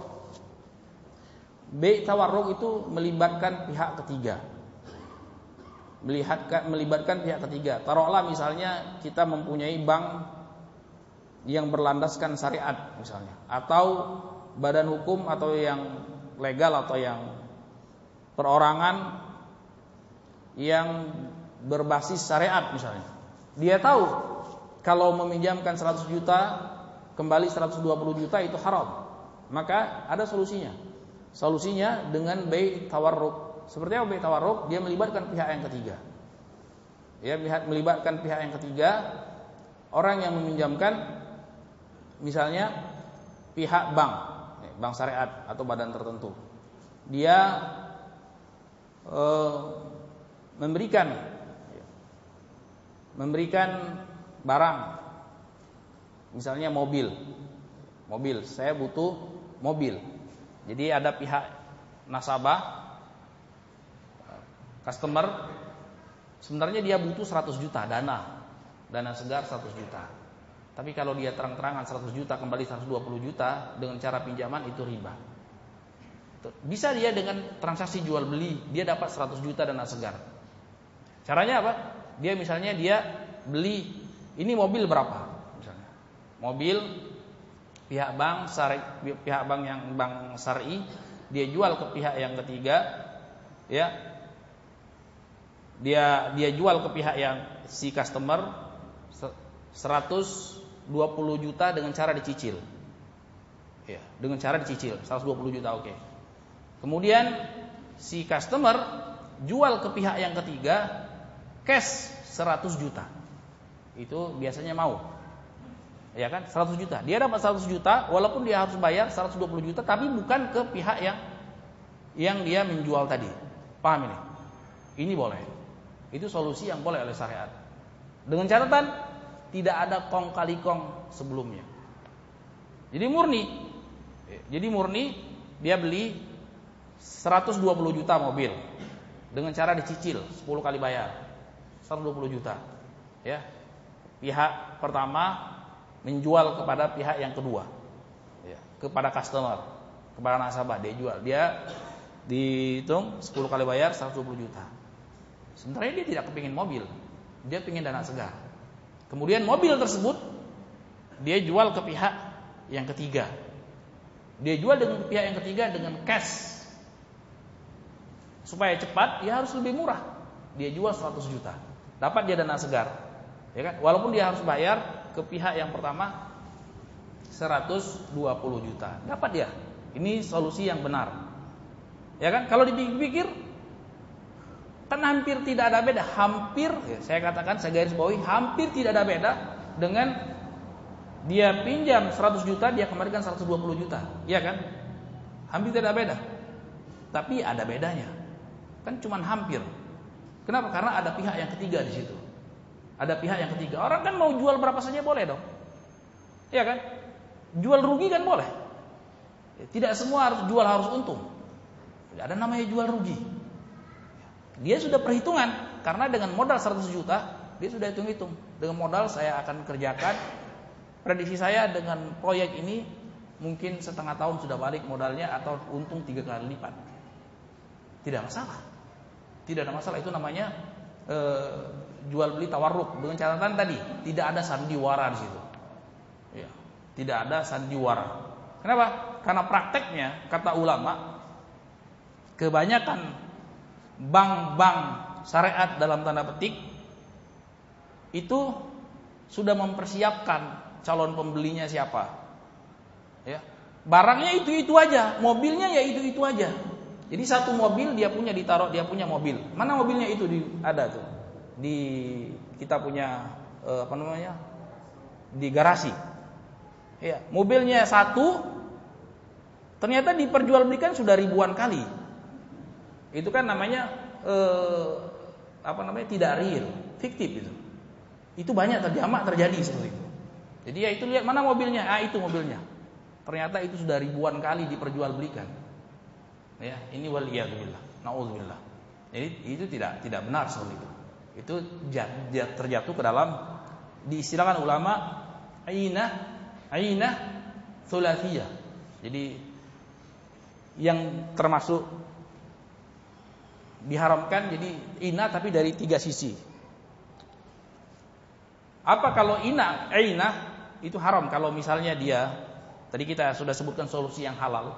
Solusi yang haram, cara yang haram orang sudah tahu yang halal, sudah tahu yang haram, kalau kasih pinjam 100 juta kembali 120 juta itu jelas haramnya. Jelas keharamannya dalam semua syariat. Iya, syariat samawi. Kemudian supaya tidak haram supaya dibuat samar-samar ini peninggalan Yahudi, peninggalan orang Yahudi dibuat hila di situ. Dibuat seolah-olah ada transaksi jual beli. Ya, jadi antara bank ya dan ini masih saya masih dapat di bank-bank syariat. Kalau yang kasus tadi Allah alam sepertinya lebih lebih lebih banyak kalau sekiranya inah saja masih ada itu dia butuh uang cash 100 juta. Ya, dia butuh uang cash 100 juta. Caranya seperti apa? Ya udah. Kamu punya apa? Ya, saya punya uh, sepetak tanah. Ya, sepetak tanah. Kalau sekiranya dia bilang tadi, kalau sekiranya dia bilang 100 juta, nanti kembali 120 juta sudah jelas haramnya. Sekarang ada nggak barang atau aset yang seolah-olah membolehkan kita bertransaksi jual beli. Oh ya kebetulan ada tanah, sebidang tanah, ya, sebidang tanah. Bagaimana caranya? Caranya, ya dia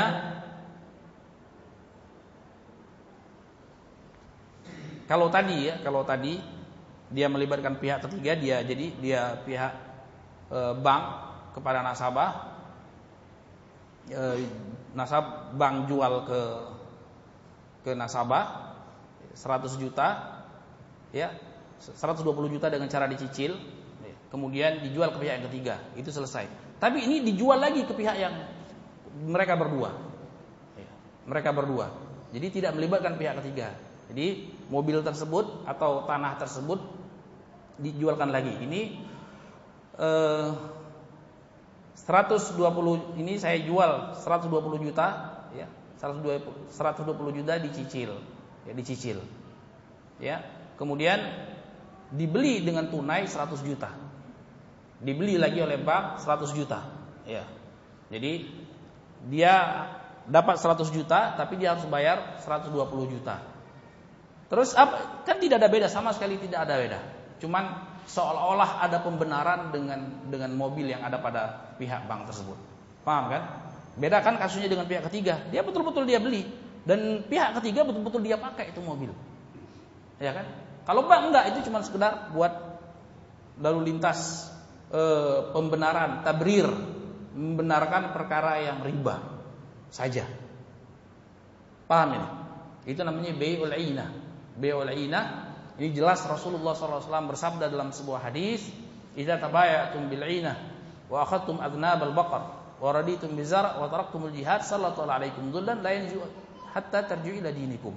Itu jelas pengharaman riba. Rasulullah SAW mengharamkan riba. Mengharamkan jual beli 'inah. Salah satu sebab kemunduran umat Islam. Ya, salah satu sebab kemunduran umat Islam tatkala mereka bertransaksi dengan transaksi ribawiyah, terutama di sini transaksi ina. Kalau jelas-jelas kalau jelas-jelas riba itu haram, maka mempolitisir, jadi e, membuat samar, membuat rancu, itu namanya hilah. Seolah benar padahal tidak benar. Ya, seolah-olah benar padahal tidak benar. Seperti misalnya orang Yahudi, Allah SWT larang mereka untuk memancing apa? Mencari ikan hari Sabtu. Mencari ikan hari Sabtu, Allah larang. Kemudian Allah uji mereka. Ternyata justru hari Sabtu ikan pada muncul. Ya, di hari yang lain ikan tidak muncul. Ya. Terus bagaimana? Mereka akalin. Kami tidak akan menjaring mancing hari Sabtu, tapi kami taruh pada hari Jumat jaringnya. Ya, nanti jaring atau pukat ditaruh di hari Jumat. Kemudian diambil hari Minggu. Diambil hari Minggu. Kan tidak mancing atau jaring hari Sabtu. Atau taruh pancing. Pancing. Pancing apa namanya? E, taruh hari Jumat, diambil baru hari Minggu, dapat besar. Jangan mancing, jangan jaring hari Sabtu. Enggak siapa bilang, hari Jumat. Iya kan? Nah, ini hilah, hilah orang-orang Yahudi. Termasuk di sini. Saya tidak pinjam meminjam 100 juta kembali 120 juta. Enggak, ini kan ada jualan tadi. Ya. Kan boleh dong jual rugi. Iya, tapi bukan seperti itu caranya. Bukan cara sudah disetting dulu, bank jual ini. Ini ya, saya jual ke kamu 120 juta dengan cara dicicil. Ya, oke, tanda tangan. Saya beli lagi, kami beli lagi dengan eh, 100 juta cash. Ya. ya, mobilnya dapat lagi. Ya, kemudian dia harus jual, harus bayar 120 juta. Jadi apa?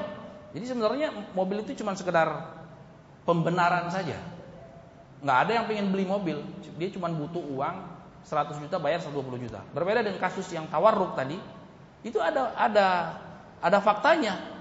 Pihak ketiga betul-betul dia butuh mobil dengan harga murah, dia pakai, dia operasionalkan. Ini enggak, itu mobil dari tahun jebrot masih ada di situ. Di garasi itu. Sudah dibuat beberapa berapa kali transaksi, ya, ribuan transaksi. Nah, termasuk yang juga tidak dibenarkan tadi kita sebutkan bahwasanya e, disebut dikategorikan ulama ina sulasiyah kalau sekiranya sudah ada kong kali kong antara ketiga antara pihak bank dengan pihak ketiga ya nanti beli aturan mainnya seperti ini seperti ini. Ya kamu beli harga sekian nanti ini nah ini tidak dibenarkan. Tapi kalau dia natural ya natural dia ambil dari bank ya. Berapa jual? Oh 120 juta oke. okay. Kemudian memang saya tidak butuh mobil, saya butuh uang segar. Jadi saya cari, terserah saya bebas mencari.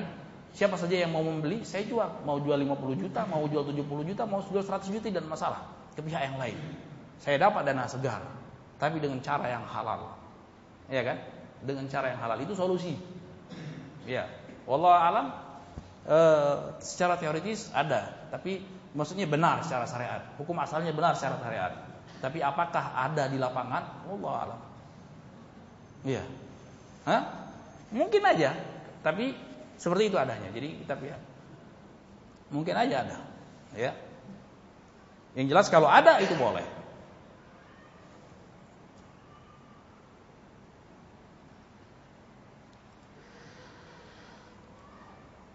An Nabi Sa'id Al-Khudri radhiyallahu anhu qala qala Rasulullah sallallahu alaihi wasallam bada an dzakara dzahab wal fiddah wa la tabi'u minha ghaiban binajizin.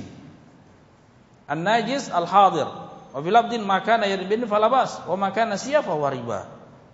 Dari hadis Abi Sa'id Al-Khudri radhiyallahu taala anhu yang diriwayatkan oleh Imam Muslim setelah Rasulullah SAW menyebutkan tentang emas dan perak, janganlah mentransaksikan emas dan perak dengan Ghaiban binajizin. Ghaiban artinya satunya belum ada, satunya sudah ada. Artinya transaksinya tidak selesai di tempat. tidak selesai di tempat inilah terjatuh ke dalam riba nasia terjatuh ke dalam riba nasia ya. jadi dia harus dibatalkan atau kalau buat perjanjian saja kalau perjanjian itu tidak mengikat ya tidak mengikat secara muamalah ya secara akad tidak mengikat tapi secara akhlak seorang muslim maka eh, dia mengikat. Ya jadi Rasulullah SAW tatkala bersabda ayatul ayatul munafik talasa salah satunya idza wa'ada akhlak. Kalau dia berjanji perjanjian dia menyelisihi. Kata ulama maksudnya hadis tersebut kalau berjanji dari awalnya sudah niat untuk tidak menunaikan iya paham kalau berjanji dari awalnya sudah niat untuk tidak menunaikan. Ini yang tercela ini ayat tanda-tanda munafik. Tapi kalau dia sudah berjanji, kalau dia tidak ada aral yang melintang, dia akan lakukan transaksi tersebut. Ini solusi. Solusi dari praktek-praktek yang banyak salah di lapangan. Ya, banyak salah di lapangan misalnya dia kasih contoh mau beli barang ini ya saya butuh barang ini ini klasifikasinya seperti ini kemudian dia datang ke ke orang yang calon penjual, pembeli dan dia datang, ada nggak barang seperti? Ada. Berapa harganya? Oh, per item satu juta. Ya, oke okay, deal. Ya, oke okay, deal. Di sini ini tidak boleh. Kenapa tidak boleh? Pertama, si penjual belum punya barang, si pembeli juga belum punya uang. Berarti sama-sama hutang. Namanya den biden di sini. Atau dengan istilah yang lain, malah yang menjual barang yang belum ada. Ya, barang yang belum ada. Solusinya ada beberapa solusi. Solusi yang pertama dibuat waat saja. Waat itu sekedar janji. Janji. Ya, janji tapi dengan betul-betul meniatkan untuk untuk transaksi deal. Kalau sudah ada barangnya ya oke saya bayar betul-betul bayar. Nah, ini tidak ber, kalau seandainya di tengah perjalanan mungkin ada faktor eksternal, ya, faktor eksternal, ada eh, force major, mungkin ada banjir, ada terus tiba-tiba uangnya dicuri, itu semua gimana? Dia sudah berusaha untuk beli. Yang seperti ini tidak tercela. Yang tercela orang yang berjanji terus mengingkari itu apabila dia dari awal sudah tidak mau. Iya. Dari awal sudah niat untuk tidak menunaikan janji tersebut itu yang tercela. Ya, itu yang tercela. Itu solusi yang pertama. Supaya terlepas dari transaksi yang dilarangkan. Transaksi yang dilarang oleh syariat. Ya, transaksi yang diharamkan oleh syariat yaitu menjual barang yang tidak ada padanya. Ya. Atau hutang dengan hutang ya. Si di belum kasih uang, ini juga belum punya barang. Atau solusi yang kedua namanya baik salaf. Baik salam atau baik salam atau baik salaf. Ini boleh. Kemarin sudah kita kasihkan misalnya, contohnya saya butuh barang ini. Tadi dengan spesifikasi yang jelas. Ya. Bentuknya, besarannya. Kemudian kamu bisa kapan kasih? Oh, bulan depan saya kasih. Sekarang belum ada. Bisa bulan depan bisa. Berapa totalnya? Di total saya butuh eh, kamu bisa sanggup berapa? Ya, saya sanggup sejuta satunya. Ya, karena dia kasih uang di muka, itu biasanya lebih murah. Ya bukan? Lebih murah, kasih uang di muka 100%. Kalau BI salam harus 100%. Kasih uang, bukan DP lagi 100%. Ya. Dia kasih. Ya, dia ambil. Dia ambil nih 100 juta, saya butuh 100 item. Ya.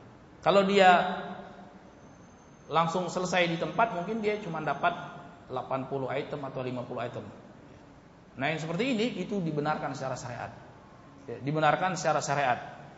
Ya, dibenarkan secara syariat. Namanya baik salaf, baik salam. Jadi menjual walaupun belum ada, belum ada padanya, tapi kemungkinan besar dia bisa mendapatkan. Ya. Kemungkinan besar dan tentu si pembeli juga harus melihat orang-orangnya Iya kan? Tidak mungkin dia akan melepaskan uang 100 juta kepada orang yang dia tidak kenal. Pasti dia sudah kenal, dia sudah pengalaman, dia sudah saling mengerti. ini sudah kasih uang 100 juta. Itu namanya B salaf. Kemudian dia dia usahakan untuk memenuhi 100 item tadi. Ya, ini namanya B salaf. Ya, itu benar. Ya, atau yang pertama tadi dengan cara wa'ad. Janji, dia buat dia perjanjian tapi tidak mengikat, belum deal.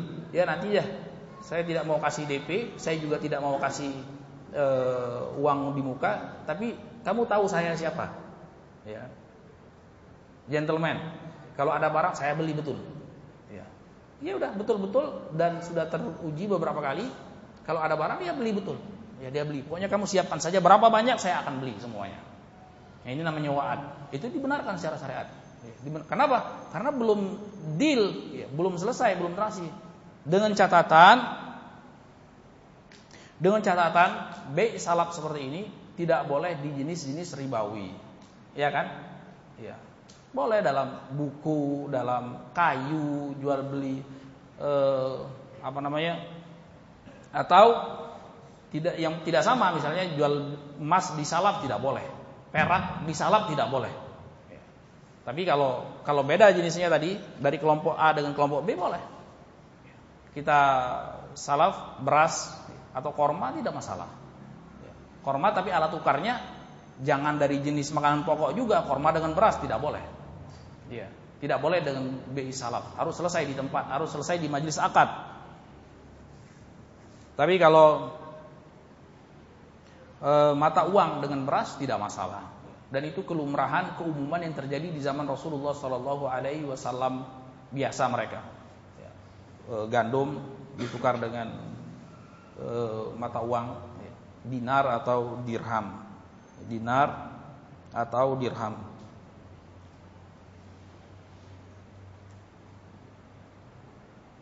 termasuk juga yang tidak dibenarkan ya.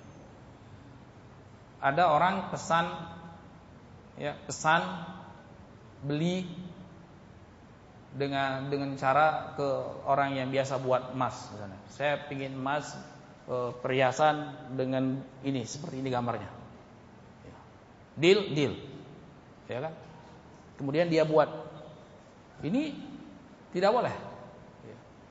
Karena ada jeda waktu. Ya. Solusinya bagaimana? Solusinya ada.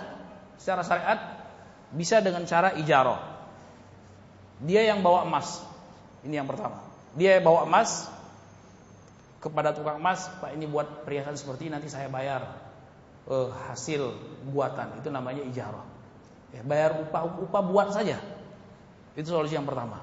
Kalau barang dari dari si penjual tidak boleh.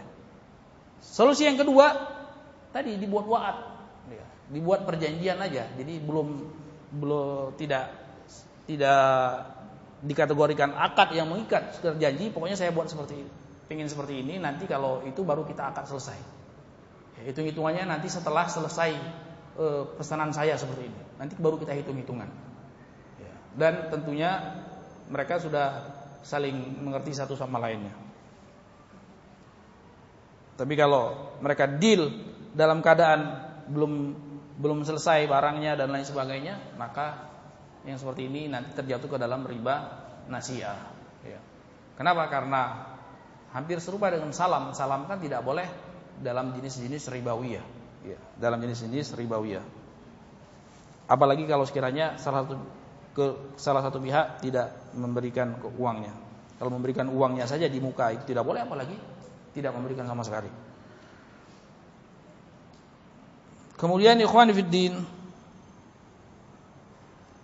Wa akhwat fillah rahimanallahu ya kaum muslimin dan muslimat yang dimuliakan oleh Allah Subhanahu wa taala. Yang berikutnya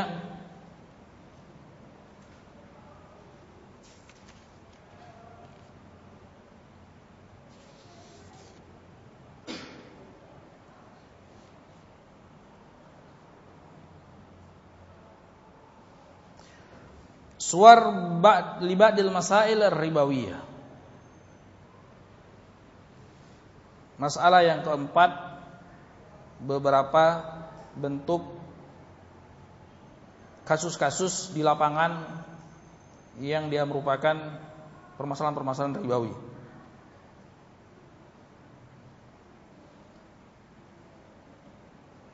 Ya. Ya tabayyan lana min khilal tatbiqil qaidah. Ini harus diulang-ulang supaya enggak rancu, bingung nantinya. Ya. Karena agak jelimet sedikit. Iya kan? Iya. Jadi harus harus betul-betul mantap. Nah, orang-orang kafir kan Allah sebutkan di dalam Al-Qur'an. Dzalika bi annahum qalu innamal bai'u mithlur riba. Ya.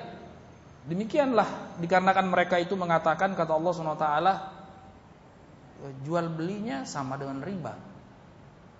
Kenapa? Karena mereka tidak daki, tidak rinci dalam memahami. Sehingga sehingga seolah-olah sama. Seperti kasus Bilal radhiyallahu taala kan apa bedanya? Beda. Makanya Allah katakan wa halalul bai' wa harrama riba.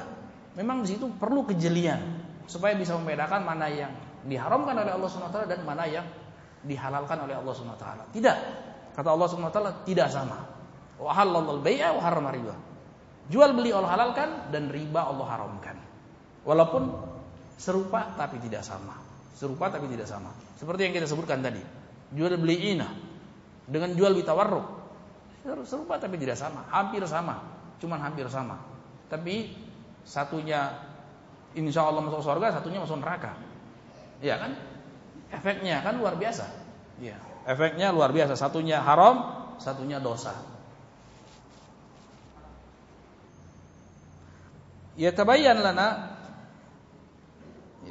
Maka jelas bagi kita setelah kita menerapkan kaidah yang berikut dan apa-apa yang terkandung di dalamnya mengetahui bagaimana permasalahan dari pemasaran riba. Ini kaidah penting selalu di, harus kita ingat-ingat. Idza riba idza bi'ar ribawi bijinsi isyarata fi syaratan. Ini kalau bisa dicatat, jangan cuman di, diingat aja. Ya, nanti lupa. Kaidah yang pertama. Supaya kita selamat dari riba. Ya. Kalau dijual, ditransaksikan komoditas, komoditi ribawi dengan sama jenisnya maka memerlukan dua syarat. Ya, tadi kita contohkan misalnya emas dengan emas, dolar dengan dolar, rupiah dengan rupiah, beras dengan beras. Jadi nggak dianggap ya. Perbedaan kualitasnya nggak dianggap selama masih kategori beras ya. Walaupun satunya beras rojo lele satunya beras raskin itu tidak dianggap. Jadi tidak boleh seorang dia langsung menukarkan Ya. Si A si B tukaran satu beras raskin 50 kilo, satu beras rojolili 10 kilo, tukar. Tidak boleh. Riba. Ya. Ada solusinya, solusinya seperti yang dipesankan Rasulullah SAW, dia jual terlebih dahulu beras raskin ke pihak yang ketiga, ya, kemudian baru setelah dari penjualan tersebut dia beli dengan rupiah, eh, dia kepingin makan beras rojolili misalnya. Dua persyaratan. Persyaratan pertama at-takabut minat tarafain fi majlisil aqd qabla ayyat tariqah. Ya. Hendaklah ada takabut. Selesai di majlis akad antara si pembeli dan si penjual sebelum mereka berpisah. Jadi sebelum mereka berpisah sudah selesai deal, tidak ada lagi eh, apa hal-hal yang tersisa. Itu yang pertama. Yang kedua at-tasawi bainahuma bil mi'yar syar'i, al-makil bil makil wal mauzun bil mauzun. Yang kedua harus sama takaran dan timbangannya. Ya. Kalau memang yang satunya ditakar ya dengan cara ditakar, takar itu pakai volume. Ya. Atau dengan cara berat, kilo, ya. Kalau volume kan liter, dengan cara berat ditimbang. Ditakar atau ditimbang. Jadi yang ditakar tidak ditakar, yang ditimbang ditimbang. Amma idza bi'a ribawi bi'awi min ghairi jinsihi fa yustaratu fi syartun wahid wa huwa at-taqabud min qabli at-tafarruq amma at-tasawi falaysa bi syartin nah adapun kalau sekiranya komoditi ribawi beda jenisnya. Tapi masih masih satu kelompok. Makanan pokok sama-sama makan pokok, korma ditukar dengan beras. Iya, korma ditukar dengan jagung, beras ditukar dengan gandum, emas ditukar dengan perak, rupiah ditukar dengan dolar. Ya, beda jenis kan? Satu rupiah, satu dolar, satu emas, satu perak. Ya, satu real, satu e, dolar ditukar. Beras dengan korma atau korma dengan gandum. Ya. Beda jenis tapi masih satu kelompok, sama-sama emas dengan perak, sama-sama kelompok alat tukar. Rupiah dengan dolar sama-sama kelompok alat tukar. Gandum dengan beras sama-sama kelompok makan makanan pokok yang ditimbang dan atau ditakar. Yang seperti ini dia cuma butuh satu syarat. Yaitu at-taqabud qabla tafarruq. Jadi selesai di tempat sebelum mereka berpisah. Selesai di tempat. Enggak ada sisanya. Tidak bersisa. Ya. Jadi deal selesai di tempat. Adapun sama banyak bukan syarat, jelaslah. Tidak mungkin orang jual emas dengan perak satu kilo sama-sama satu kilo, tidak ada. Iya, pasti dia ambil selisih yang namanya jual beli kecuali dia ngasih. Ya. Ini dia mau jual beli. Rupiah tidak mungkin seribu rupiah sama dengan seribu dolar. Ya, pasti dia ambil selisih. Tidak ada masalah itu. Wa itu yang Wa idza bi'a ar-ribawi.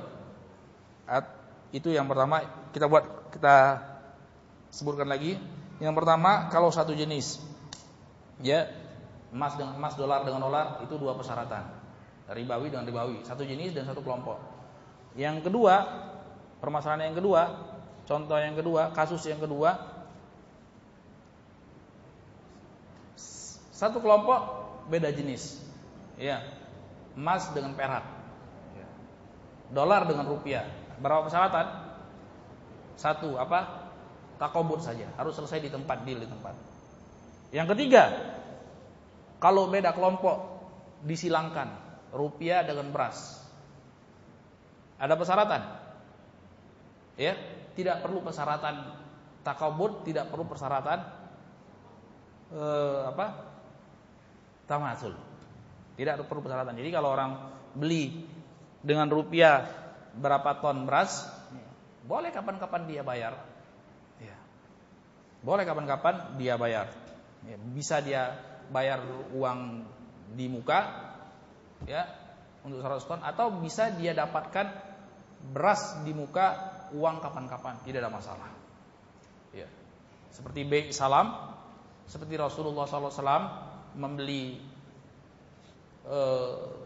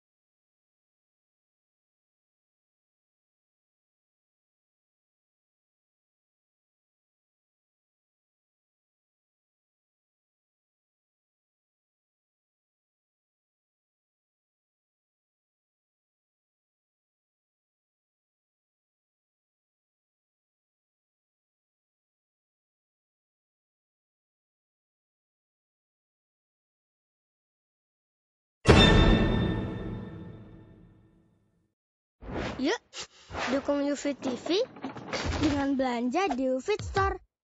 www.ufitstore.com Alhamdulillah wassalatu wassalamu ala Rasulillah wa ala alihi wa ashabihi wa mawala amma ba'd. Insyaallah taala kita lanjutkan pembahasan kita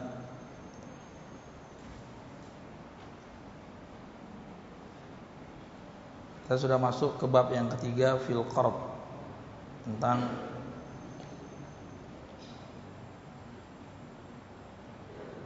hutang.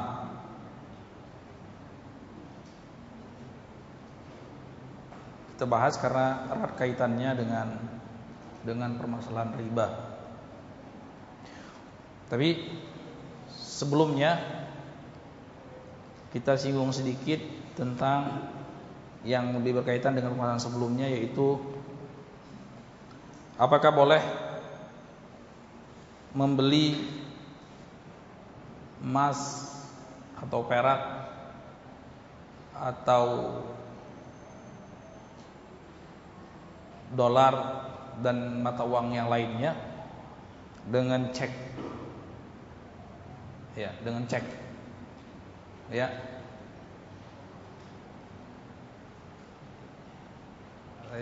di istilah ulama ada cek musaddaq ghair musaddaq. Artinya ada cek yang benar kan? Yang bukan yang kosong. Ya. Cek yang benar-benar ada ada uangnya di situ dan tertuju kepada siapa dan jelas. Kalau menurut pendapat mayoritas ulama di zaman sekarang cek itu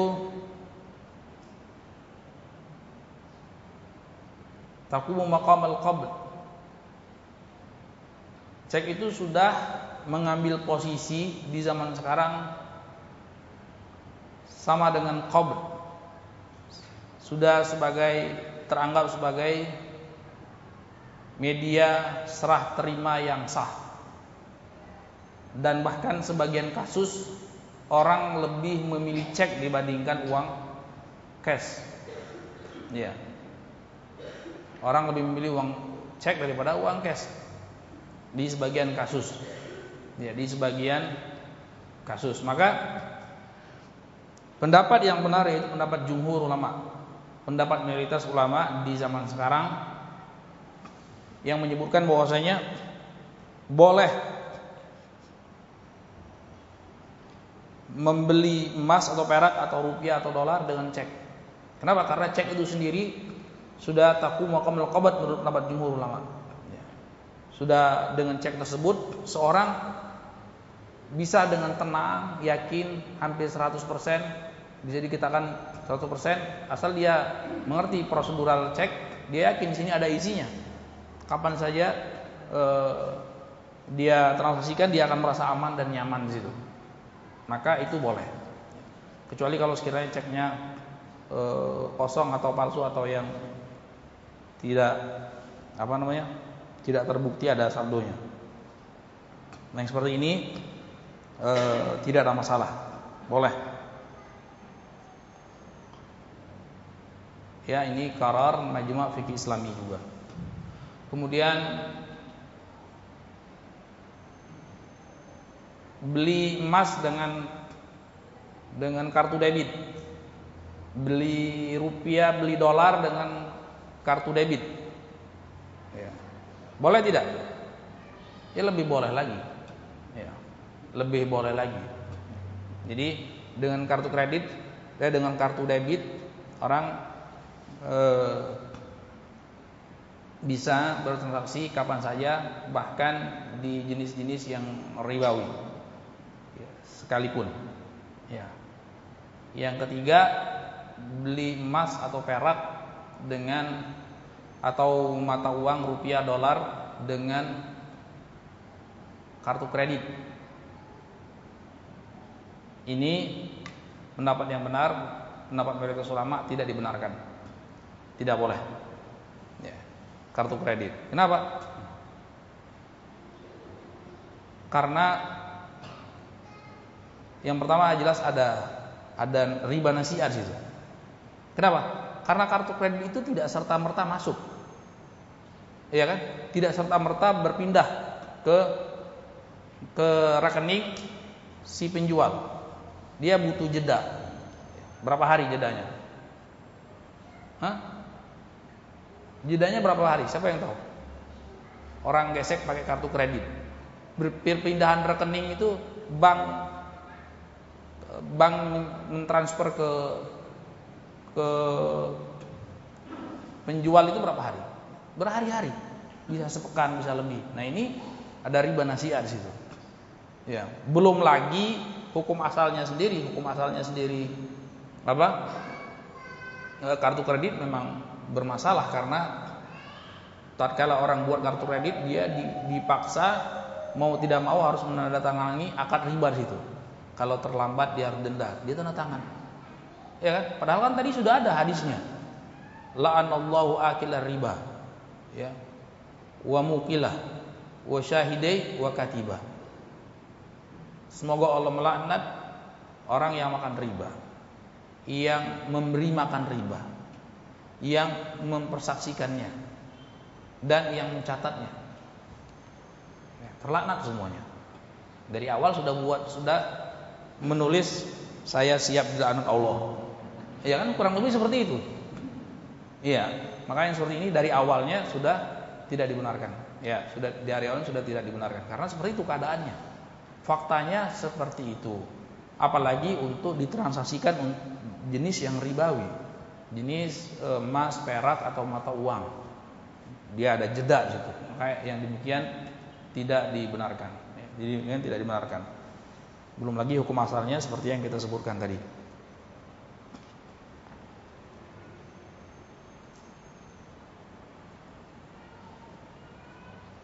Kemudian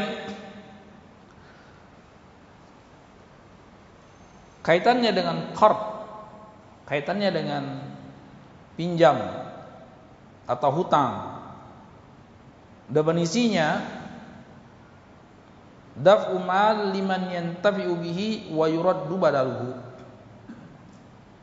Yaitu menyerahkan harta yang siap dimanfaatkan dan diwajibkan mengembalikan yang semisalnya. Ya pinjam 1000 dolar ya kembali 1000 dolar. Pinjam 100 gram emas kembali 100 gram emas. Ini pinjam ya jadi akadnya pinjam. Ya, pinjam apa saja? Ya kembali yang semisalnya.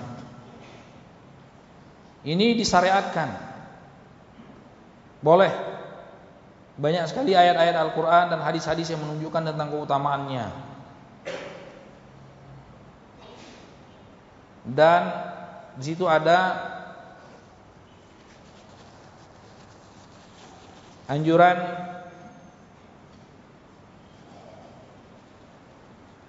memenuhi kebutuhan kaum muslimin, meringankan kesulitan kaum muslimin. Dan ulama sepakat tentang kebolehannya.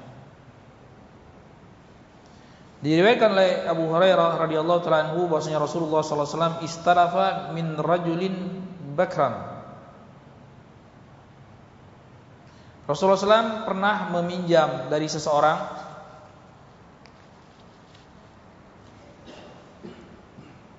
Seekor onta, onta yang masih muda. Faqulima ilaihi iblis sadaqah fa amara Abu Rafi ay yaqdi ar-rajul baqrah. Raja ilaihi Abu Rafi qala lam ajid fiha illa khiyaran rubaiyan.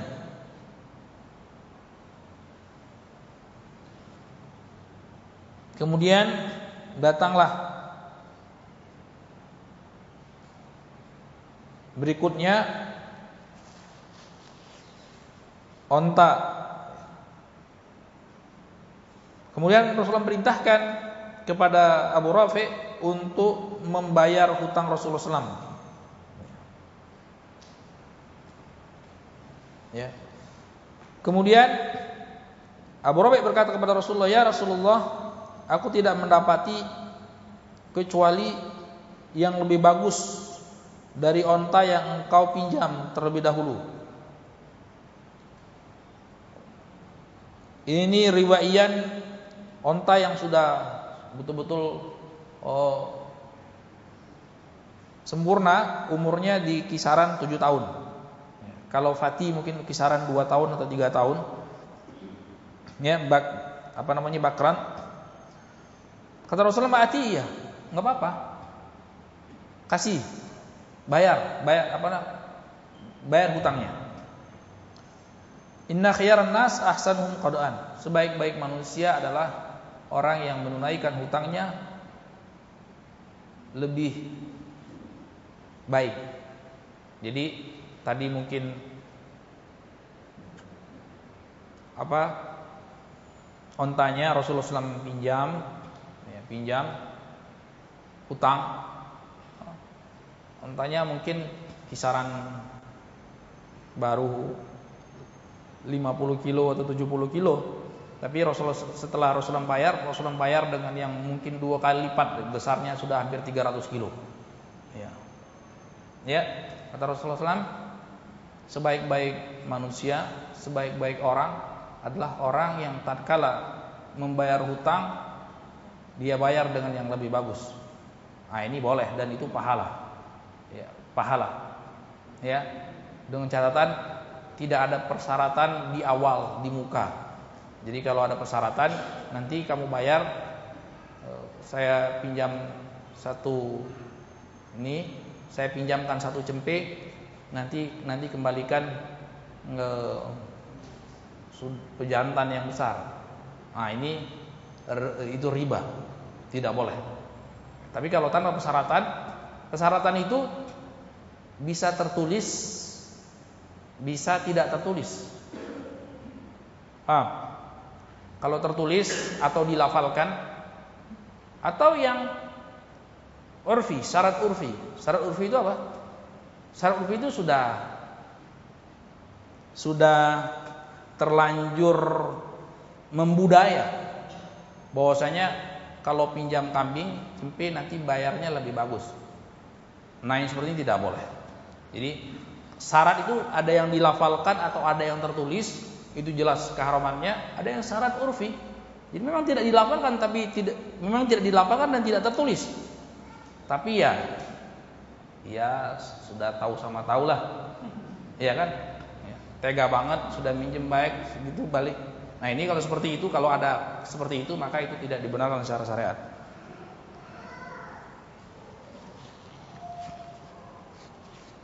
Wa min adillah ala fadlihi dalil di antara dalil tentang keutamaan menghutangkan hadis Ibnu Mas'ud radhiyallahu taala anhu Rasulullah SAW bersabda yang dikeluarkan Imam Ibnu Majah Ma min muslim yuqridu musliman qardan marrataini illa kana qasadaqatiha marratan Tidaklah seorang muslim meminjamkan muslim yang lain mengutangkan meminjamkan pinjaman, mengutangkan hutangan dua kali maka dia sama seperti memberikan sedekah satu kali. Eh intinya hadis ini sebagian ulama menghasankannya.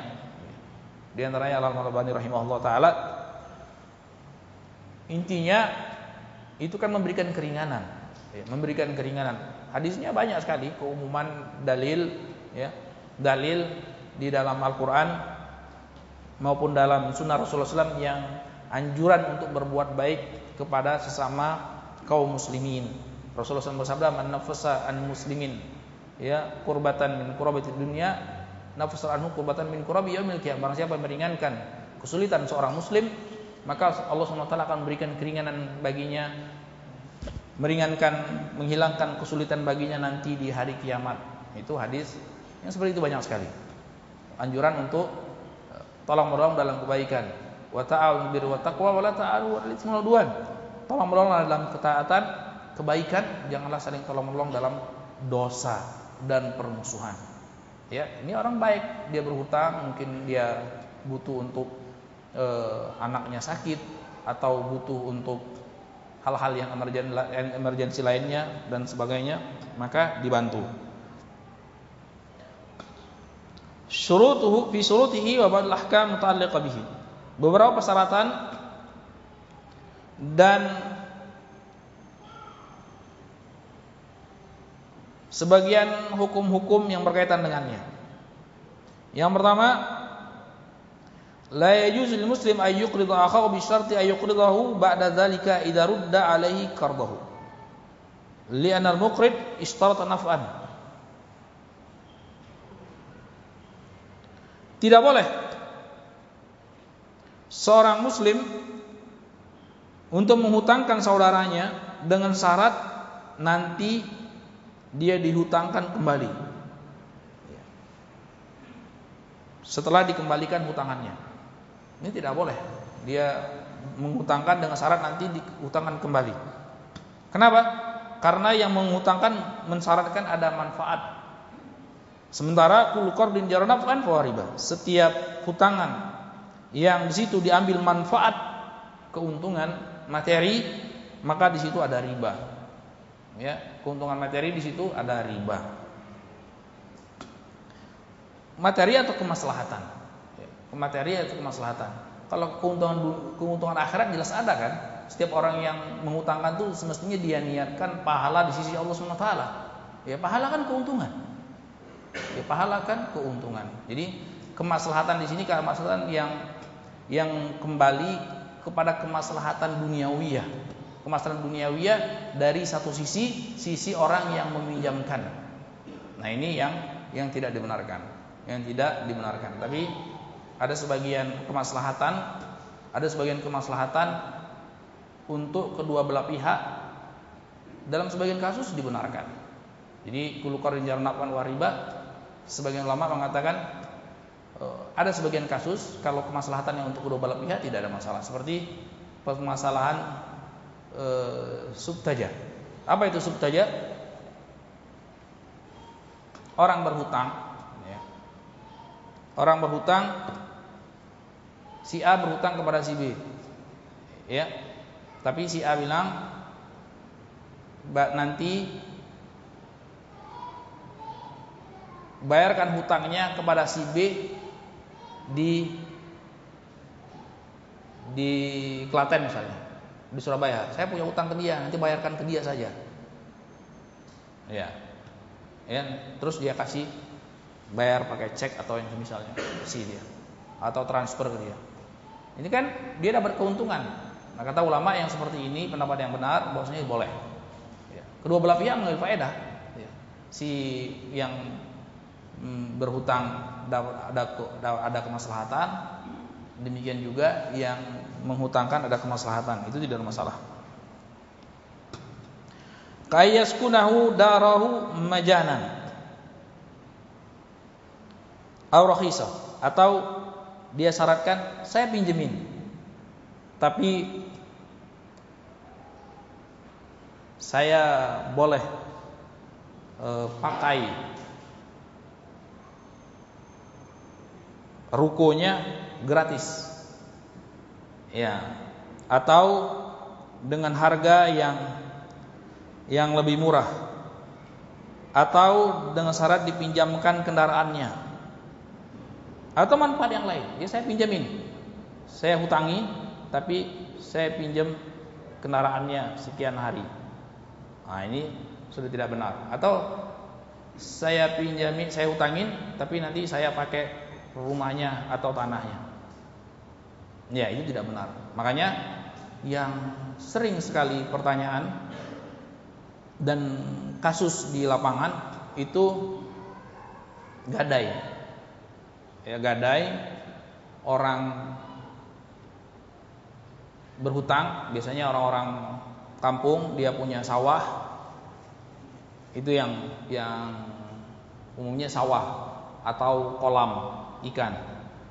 Saya dia butuh mungkin mau mau naik haji, ya, atau dia butuh anaknya sekolah, atau butuh anaknya mau beli motor, ya, dia datang kepada orang yang kaya.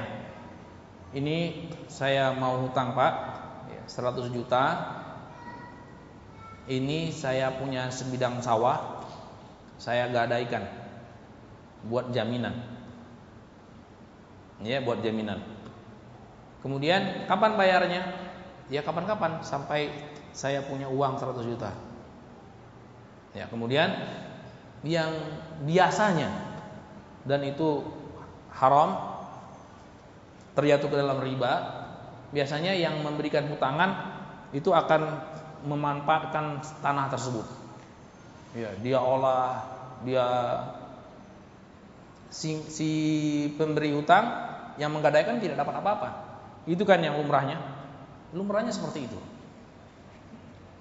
Ini tidak boleh. Kullu qardin jaranafan riba. Setiap hutangan yang ada ngambil manfaat keduniawiaan dari sisi dari satu sisi yaitu sisi si pemberi hutangan yang pemberi, pemberi yang memberikan hutang dan e, memanfaatkan barang gadaiannya tidak, boleh.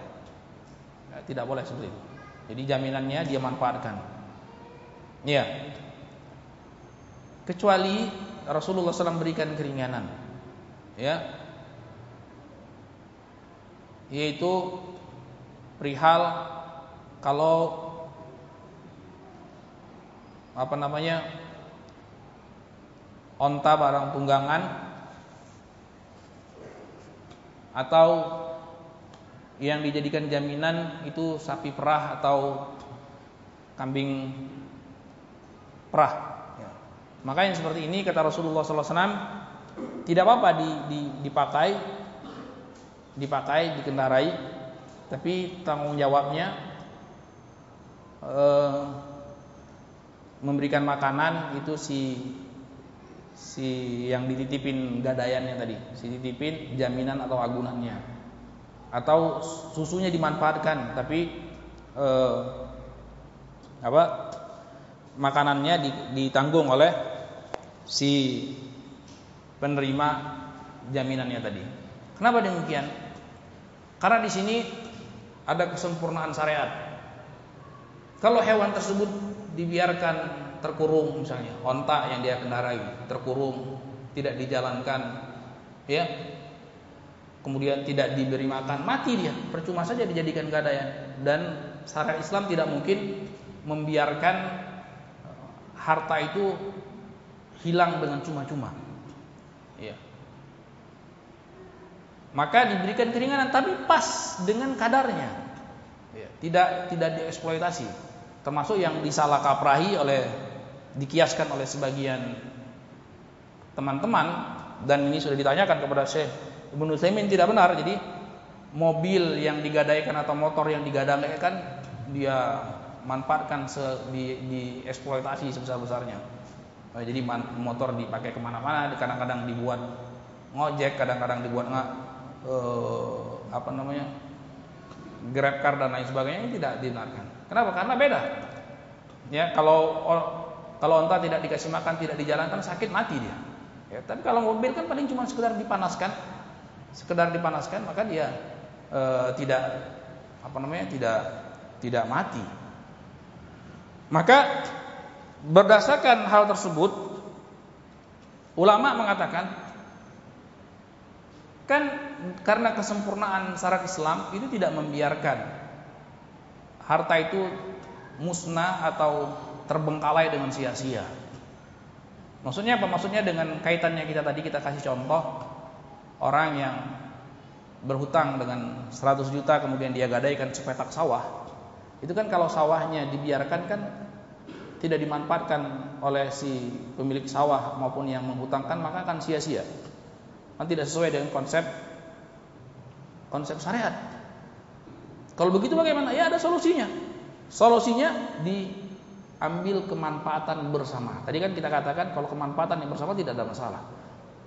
Bagaimana caranya? Dibuat akad yang baru. Dibuat akad yang akad yang pertama yaitu akad hutang piutang.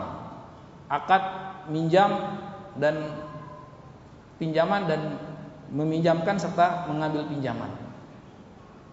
Ya, hutang piutang. Itu akad yang pertama. Akad yang kedua memang ada di situ rohan. Ulama mengistilahkan rohan, barang yang digadaikan, dijadikan jaminan. sepetak sawah di sini atau ruko di situ misalnya. Ya. Boleh dimanfaatkan kedua belah pihak tapi dengan akad yang baru. Jadi akad yang kedua.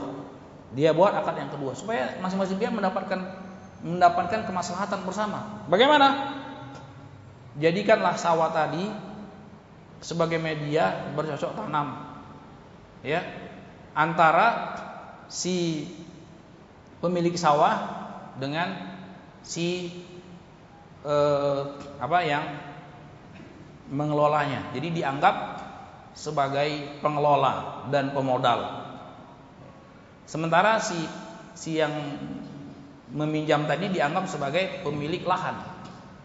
Ya tinggal akan sewa saja. Sewanya bagaimana?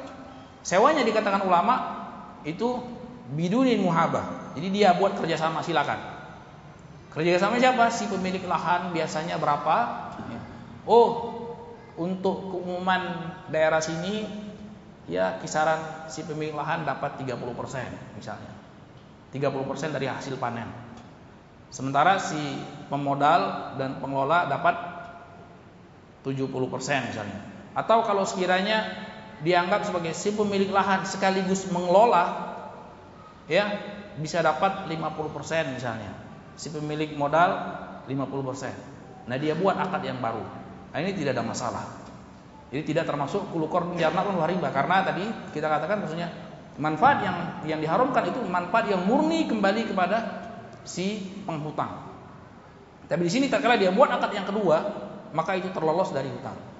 Tapi dengan syarat dikatakan ulama bidunil muhabah. Jadi bukan dengan dengan uh, sisi keterkaitan dengan hutangnya. Maksudnya apa? Maksudnya kalau lumrahnya si pemilik lahan itu dapat 30%, tapi karena dia merasa berhutang ya udahlah saya ambil 10% saja. Nah, ini tidak boleh. Itu namanya bidunil muhabah. Tidak dibenarkan. Atau misalnya kalau ruko, ruko keumumannya ya disewakan gini aja Pak, daripada rukunya terbengkalai rusak tidak dimanfaatkan sekedar jadi jaminan ini tidak sesuai dengan syariat Islam. Syariat Islam tidak menyia-nyiakan harta. Ya. terus bagaimana? Ya saya manfaatkan saja itu ruko saya sewa dengan akad yang baru. Ya nanti kan bapak dapat hasil hasil sewa itu. Jadi tidak tidak murni saya yang mendapatkan manfaatnya. Ya oh tidak masalah Berapa pasarannya? Oh di daerah situ pasarannya lumrahnya kisaran 50 sampai 60 juta per tahun. Ya udah bayar 50 sampai 60 juta, bayar. Iya, kan dia bisa buat macam-macam, dia bisa buat nyicil dan lain sebagainya. Tapi kalau sekiranya ma'al muhabah, ya karena dia sudah terlanjur mengutangi kan nggak enak. Ya, ada rasa tidak enak, ya udahlah. Itu memang pasarannya 50 juta sampai 60 juta, tapi karena Bapak sudah baik hati mengutangi saya, saya bayarin saja 20 juta. Nah, ini tidak benar. Tidak dibolehkan seperti itu. Paham ini? Paham kan? Jadi hal yang demikian dibolehkan.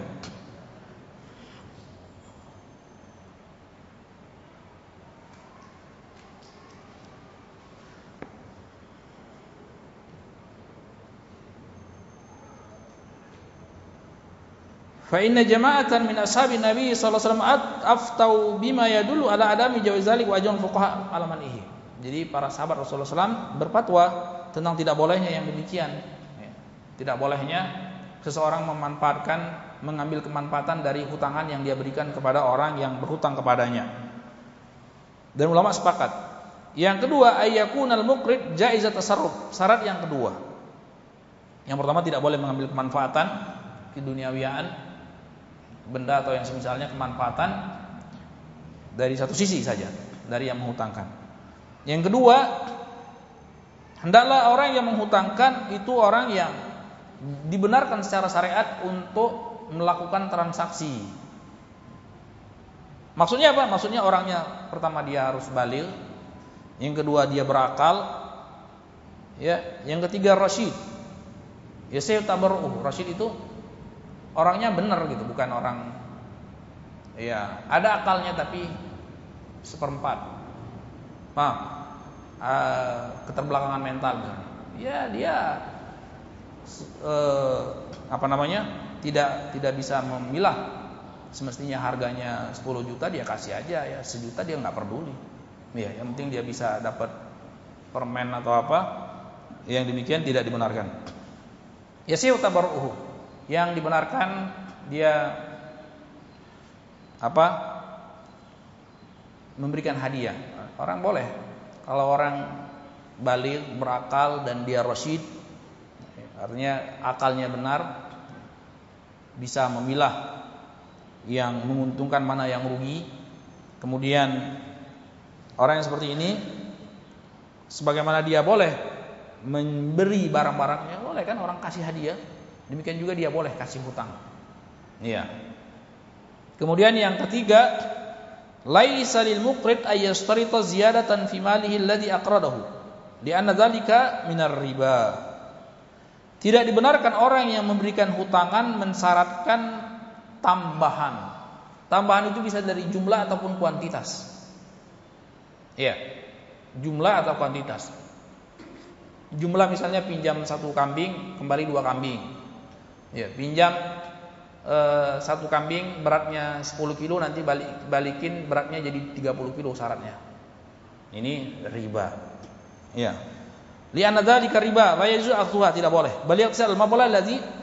Jadi dia harus cuman menerima apa yang dia pinjamkan. Pinjam 10 juta ya kembali 10 juta. Pinjam kambing yang takarannya 10 kilo kembali 10 kilo. Sekalipun orang yang berhutang mau memberi lebih yaitu dengan kelapangan hati dia suka-suka dia. Dia mau kasih lebih ya alhamdulillah. Kalau tidak ya cukup apa yang kita telah berikan saja yang telah kita pinjamkan saja. Idza radal muqtarid alal muqrid asan mimma akhadha nah ini poin yang keempat. Idza radal muqtarid alal muqrid asan mimma akhadha minhu aw a'tahu ziyadatan duna syartin aw qasdin sahad dzalika. Lian tabarru minal muqtarid wa has wa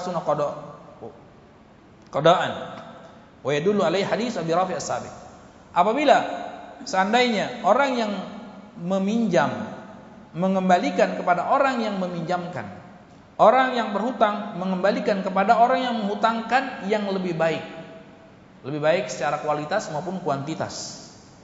Ya lebih banyak secara kuantitas maupun lebih baik secara kualitas. Ya. tanpa syarat.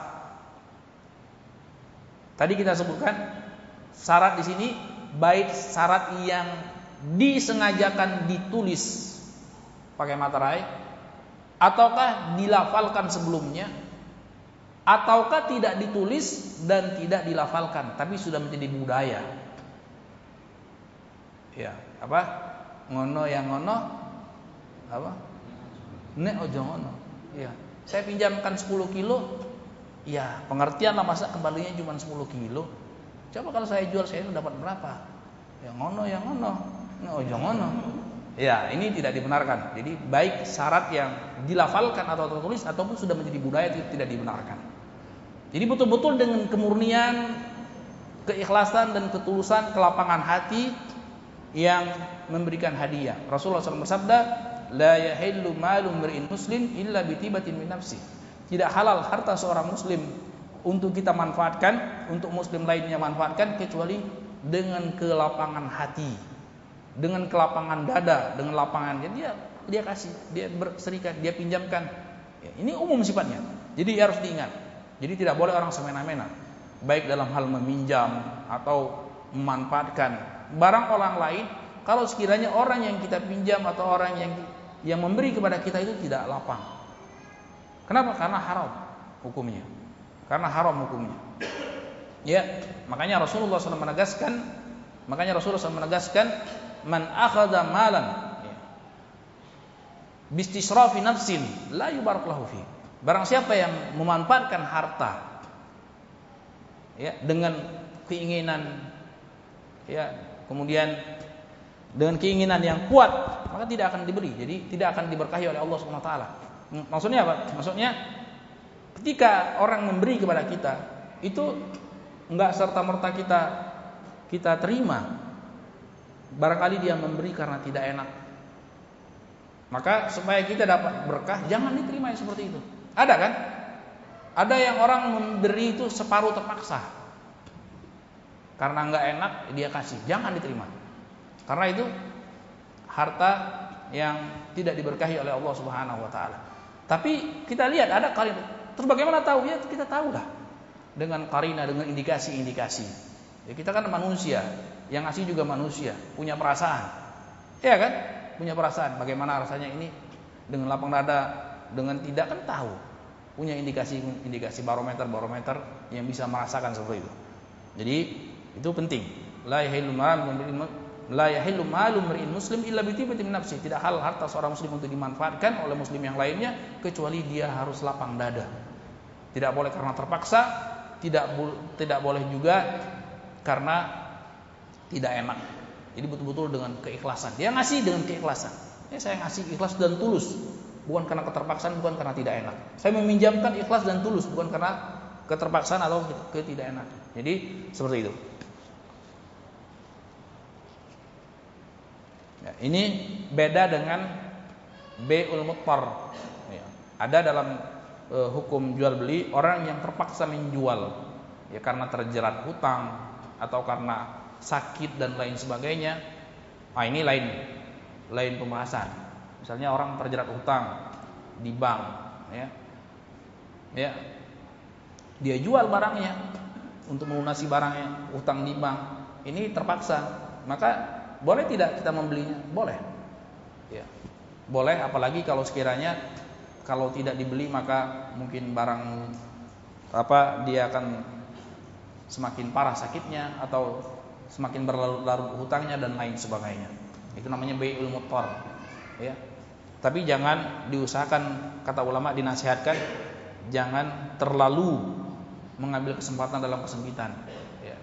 Sesama muslim, ya, al muslim Kata Rasulullah SAW bersabda, la yu'minu ahadukum hatta yuhibba li akhihi ma. Tidaklah beriman seorang mukmin sampai dia mencintai apa yang dicintai oleh saudaranya. Itu itu harus digarisbawahi. Ya, harus digarisbawahi itu kaidah seorang muslim terhadap saudara sesama muslim. La yu'minu ahadukum hatta yuhibba li ma yuhibbu nafsihi. Tidak beriman salah seorang di antara kalian sampai dia itu mencintai apa yang dicintai oleh saudaranya. Dikatakan oleh Al-Alama Ibnu Utsaimin rahimahullah taala, seorang yang tidak menerapkan kaidah tersebut dalam dirinya berarti sepanjang hidupnya dia dalam keadaan dosa besar. Kenapa? Karena dosa besar itu salah satu kaidahnya apa yang diancam hilangnya iman. Nah, di sini Rasulullah mengancam hilangnya iman. La yu'minu. Tidak beriman salah seorang di antara kalian sampai dia mencintai apa yang dicintai oleh saudaranya. Jadi kalau ada seorang muslim dia tidak mencintai apa yang dicintai, dia tidak mencintai saudaranya muslim sebagaimana dia mencintai apa yang dia cintai. Ya kita kan kita kita senang untuk kita sehat. Sebagaimana kita juga harus berharap saudara kita sehat sesama muslim.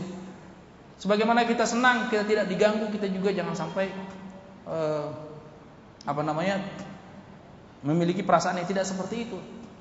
Sebagaimana kita senang untuk dibantu, ya, kita juga harus memposisikan saudara kita muslim juga kita juga senang supaya mereka bisa dibantu seperti itu ya ini nasallahu taufik wal afiyah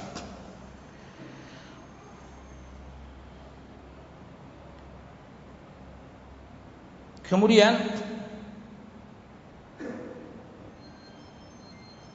ayyakun al-muqrid malikan lima yuqriduhu wa la yajuzu lahu ay yuqrida ma la yamlik hendaklah orang yang meminjamkan dia itu memiliki barang yang dia pinjamkan. Ya, jangan barang orang lain yang dia pinjamkan. Iya kan? Iya, itu tidak boleh. Termasuk dia menjual barang lain, orang lain. Kan ada hadisnya. Ya. Jadi yang dimaksud dengan nah Rasulullah SAW abi mala yang dik tidak halal bagi seseorang untuk menjual barang yang dia, yang dia miliki maksudnya barang tetangga dia jual ya bukan barang dia seperti ini. Saya beli itu motor. Oh iya boleh berapa? 10 juta ya, 10 juta. Padahal dia belum transaksi dengan si tetangganya. Ini tidak boleh. Ya, itu tidak boleh. Ya. Kemudian apalagi kaitannya dengan meminjamkan barang orang lain dia pinjamkan. Tidak benar. Yang keenam, minal muamalah ribawiyah muharramah termasuk transaksi ribawi yang diharamkan oleh syariat matakum bil bunuk fi waqtin al hadir apa yang dilakukan oleh bank-bank yang ada di sekarang, yang ada pada masa sekarang ini. Seperti apa? Min aqdi qurudin bainaha wa baina dzawil hajat. Tatkala mereka meminjamkan memberikan apa? pinjaman dana segar istilahnya. Padahal nggak segar itu. Busuk itu. Ya. Fresh money, enggak fresh. Di situ ada dosa besar. Ya, wal billah. Sebagaimana jelas ancamannya dari Allah dan Rasulnya. Dia bank meminjamkan kepada orang-orang yang memiliki kebutuhan baik kebutuhan yang sifatnya kebutuhan pokok maupun yang lainnya. Fatadfa lahum mabali min al-nadir fa'idah muhaddadah. Ta'khudhuha ziyadatan al-maghul qard. Jadi bank memberikan dana tadi misalnya 100 juta ya, plus ditambah faedah bunga. Bunga itulah riba namanya. Jadi bukan bunga. Ya. Ya, bunganya beracun. Iya itu racun dosa besar yaitu dosa riba. 100 juta total-totalnya dengan bunga-bunganya jadi 150 juta. Itu bunga 50 juta haram hukumnya.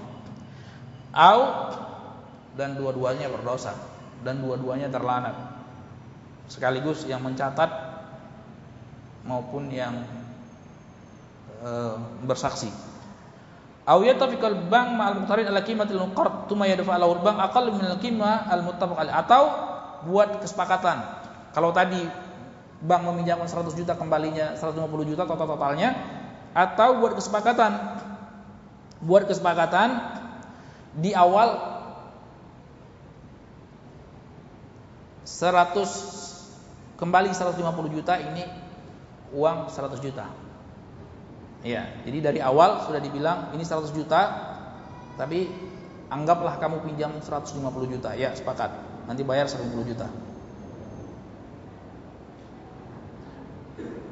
Yatlub al-muqtarid min al-bank masalan mablagh mi'at al. Misalnya yang meminjam minta 100 ribu ya, 100 ribu ini 100 ribu maksudnya 100 ribu real Ya.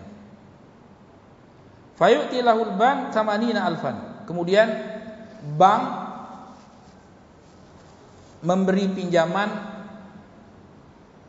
8. Ya.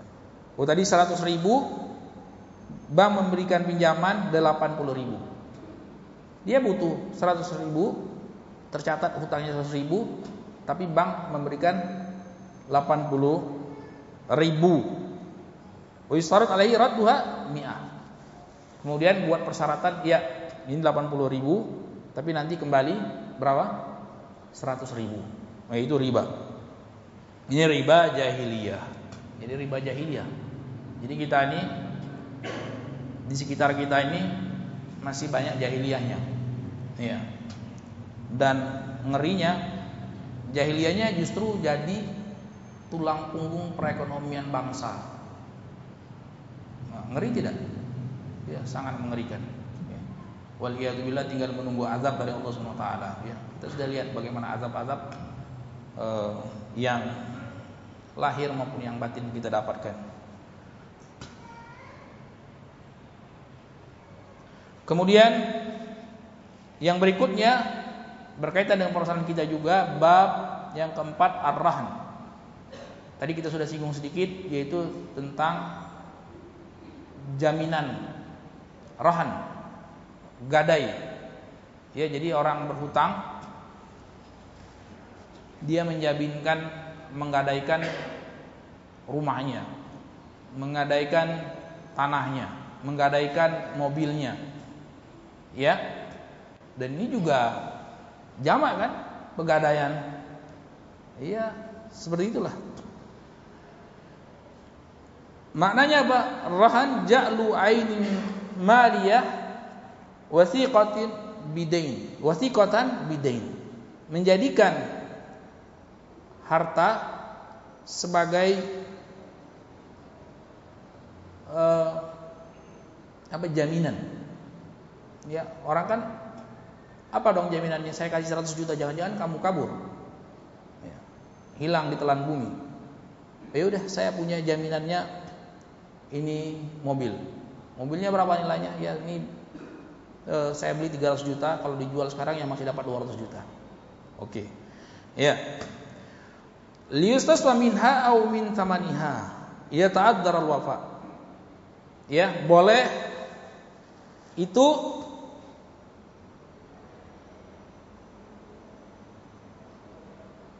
dibayar dengannya atau dibayar dengan harganya.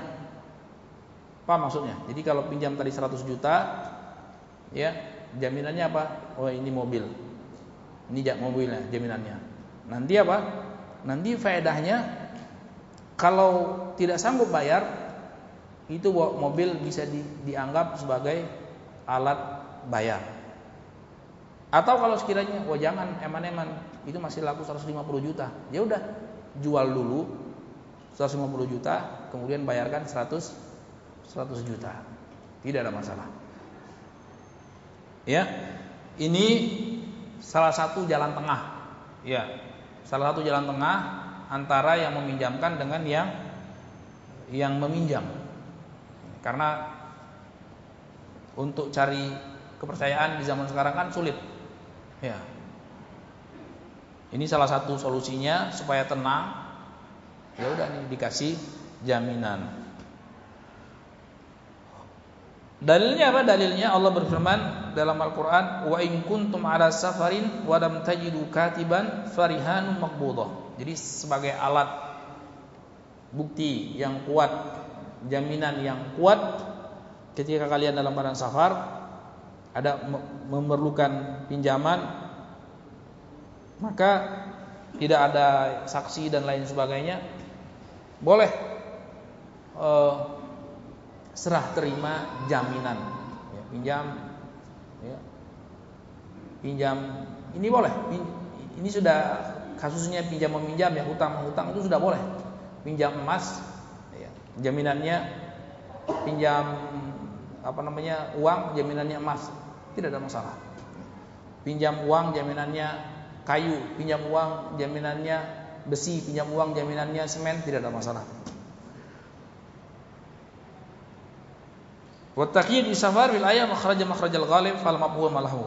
Itu sebagai contoh aja. Jadi bukan harus ketika safar boleh ada jaminan, tapi keumumannya seperti itu. Kenapa?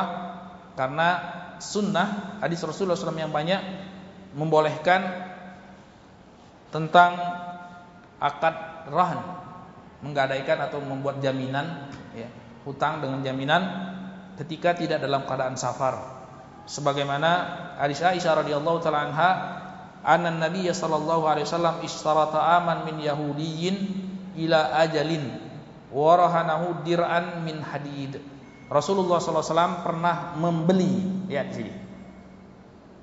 Rasulullah SAW pernah membeli makanan dalam riwayat itu gandum 10 eh, 30 sok. Ya, 30 sok sekisaran 75 sampai 90 kilo. Karena ulama berbeda, satu sok ada yang mengatakan dua setengah kilo, ada yang mengatakan tiga kilo. Tapi umumnya seperti itu. Ada yang mengatakan kurang lagi dari dua setengah kilo. Rasulullah SAW membeli gandum dari seorang Yahudi, tapi bayarnya kapan-kapan. Itu namanya ila ajal. Tidak bayar cash, tapi bayarnya kapan-kapan ya dengan dengan umumnya ya alat tukar ya kalau tidak dinar ya dirham. Tapi supaya Rasulullah ingin menunjukkan akhlak yang mulia supaya orang Yahudinya juga juga apa namanya merasa yakin dan mantap Rasulullah SAW gadaikan jaminkan Rasulullah SAW punya baju besi Padahal mungkin nilainya jauh lebih besar daripada e, harga 30 sok daripada gandum tersebut. Ini dalil menunjukkan bahwasanya boleh yang seperti itu. Jaminan. Ini juga dalil bagi eh, permasalahan kita yang sudah kita sebutkan tentang bolehnya bertransaksi jenis ribawi dengan kelompok yang berbeda walaupun tidak selesai di tempat serah terimanya. Yaitu kelompok makanan pokok dijual atau ditukar dengan kelompok alat tukar emas perak atau mata uang yang lainnya ini tidak harus disyaratkan selesai di tempat serah terimanya boleh kapan-kapan ya kan Jelas kan? Bosnya boleh. Ya. Orang beli beras dengan cara ngutang, bayarnya bulan depan bayar beras tidak masalah. Selama bayarnya betul-betul eh, apa namanya?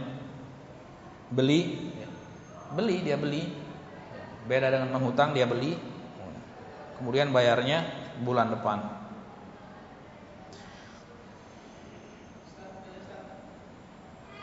ya selama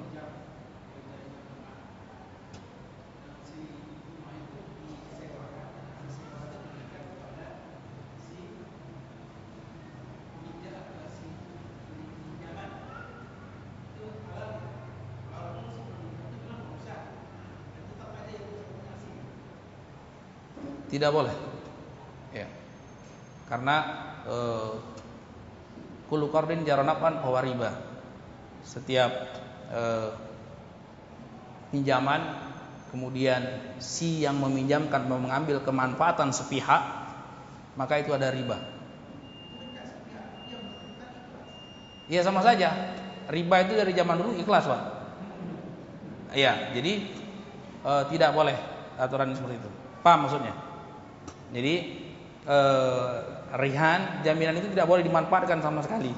Kecuali kalau dia buat akad yang baru. Akad yang baru. Hah? Iya, dia harus buat akad yang baru kalau mau dapat solusi yang sesuai dengan syariat.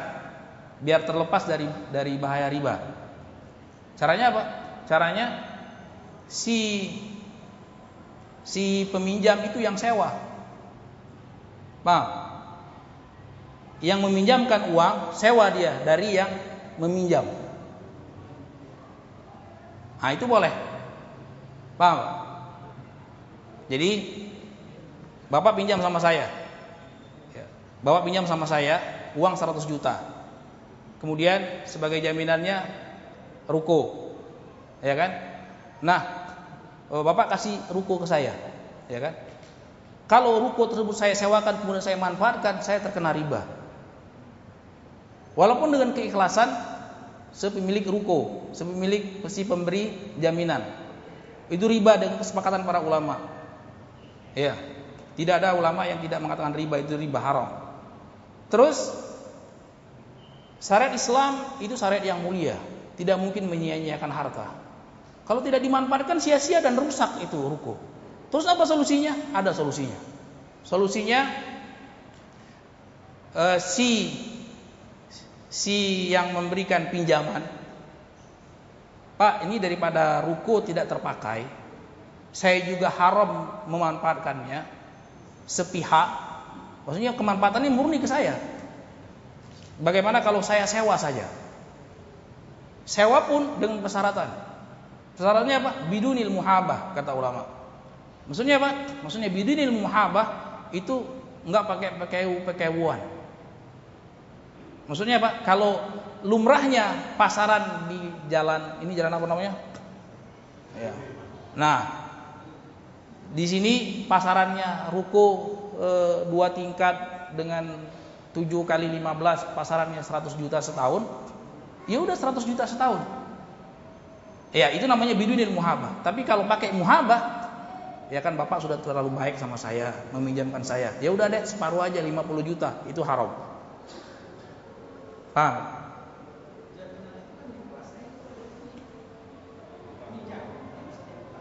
Iya, tapi tidak boleh dimanfaatkan sepihak.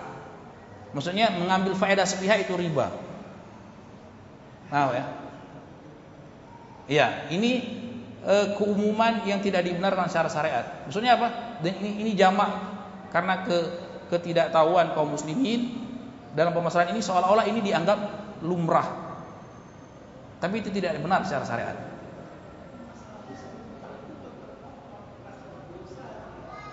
Kenapa merasa berdosa? Kenapa?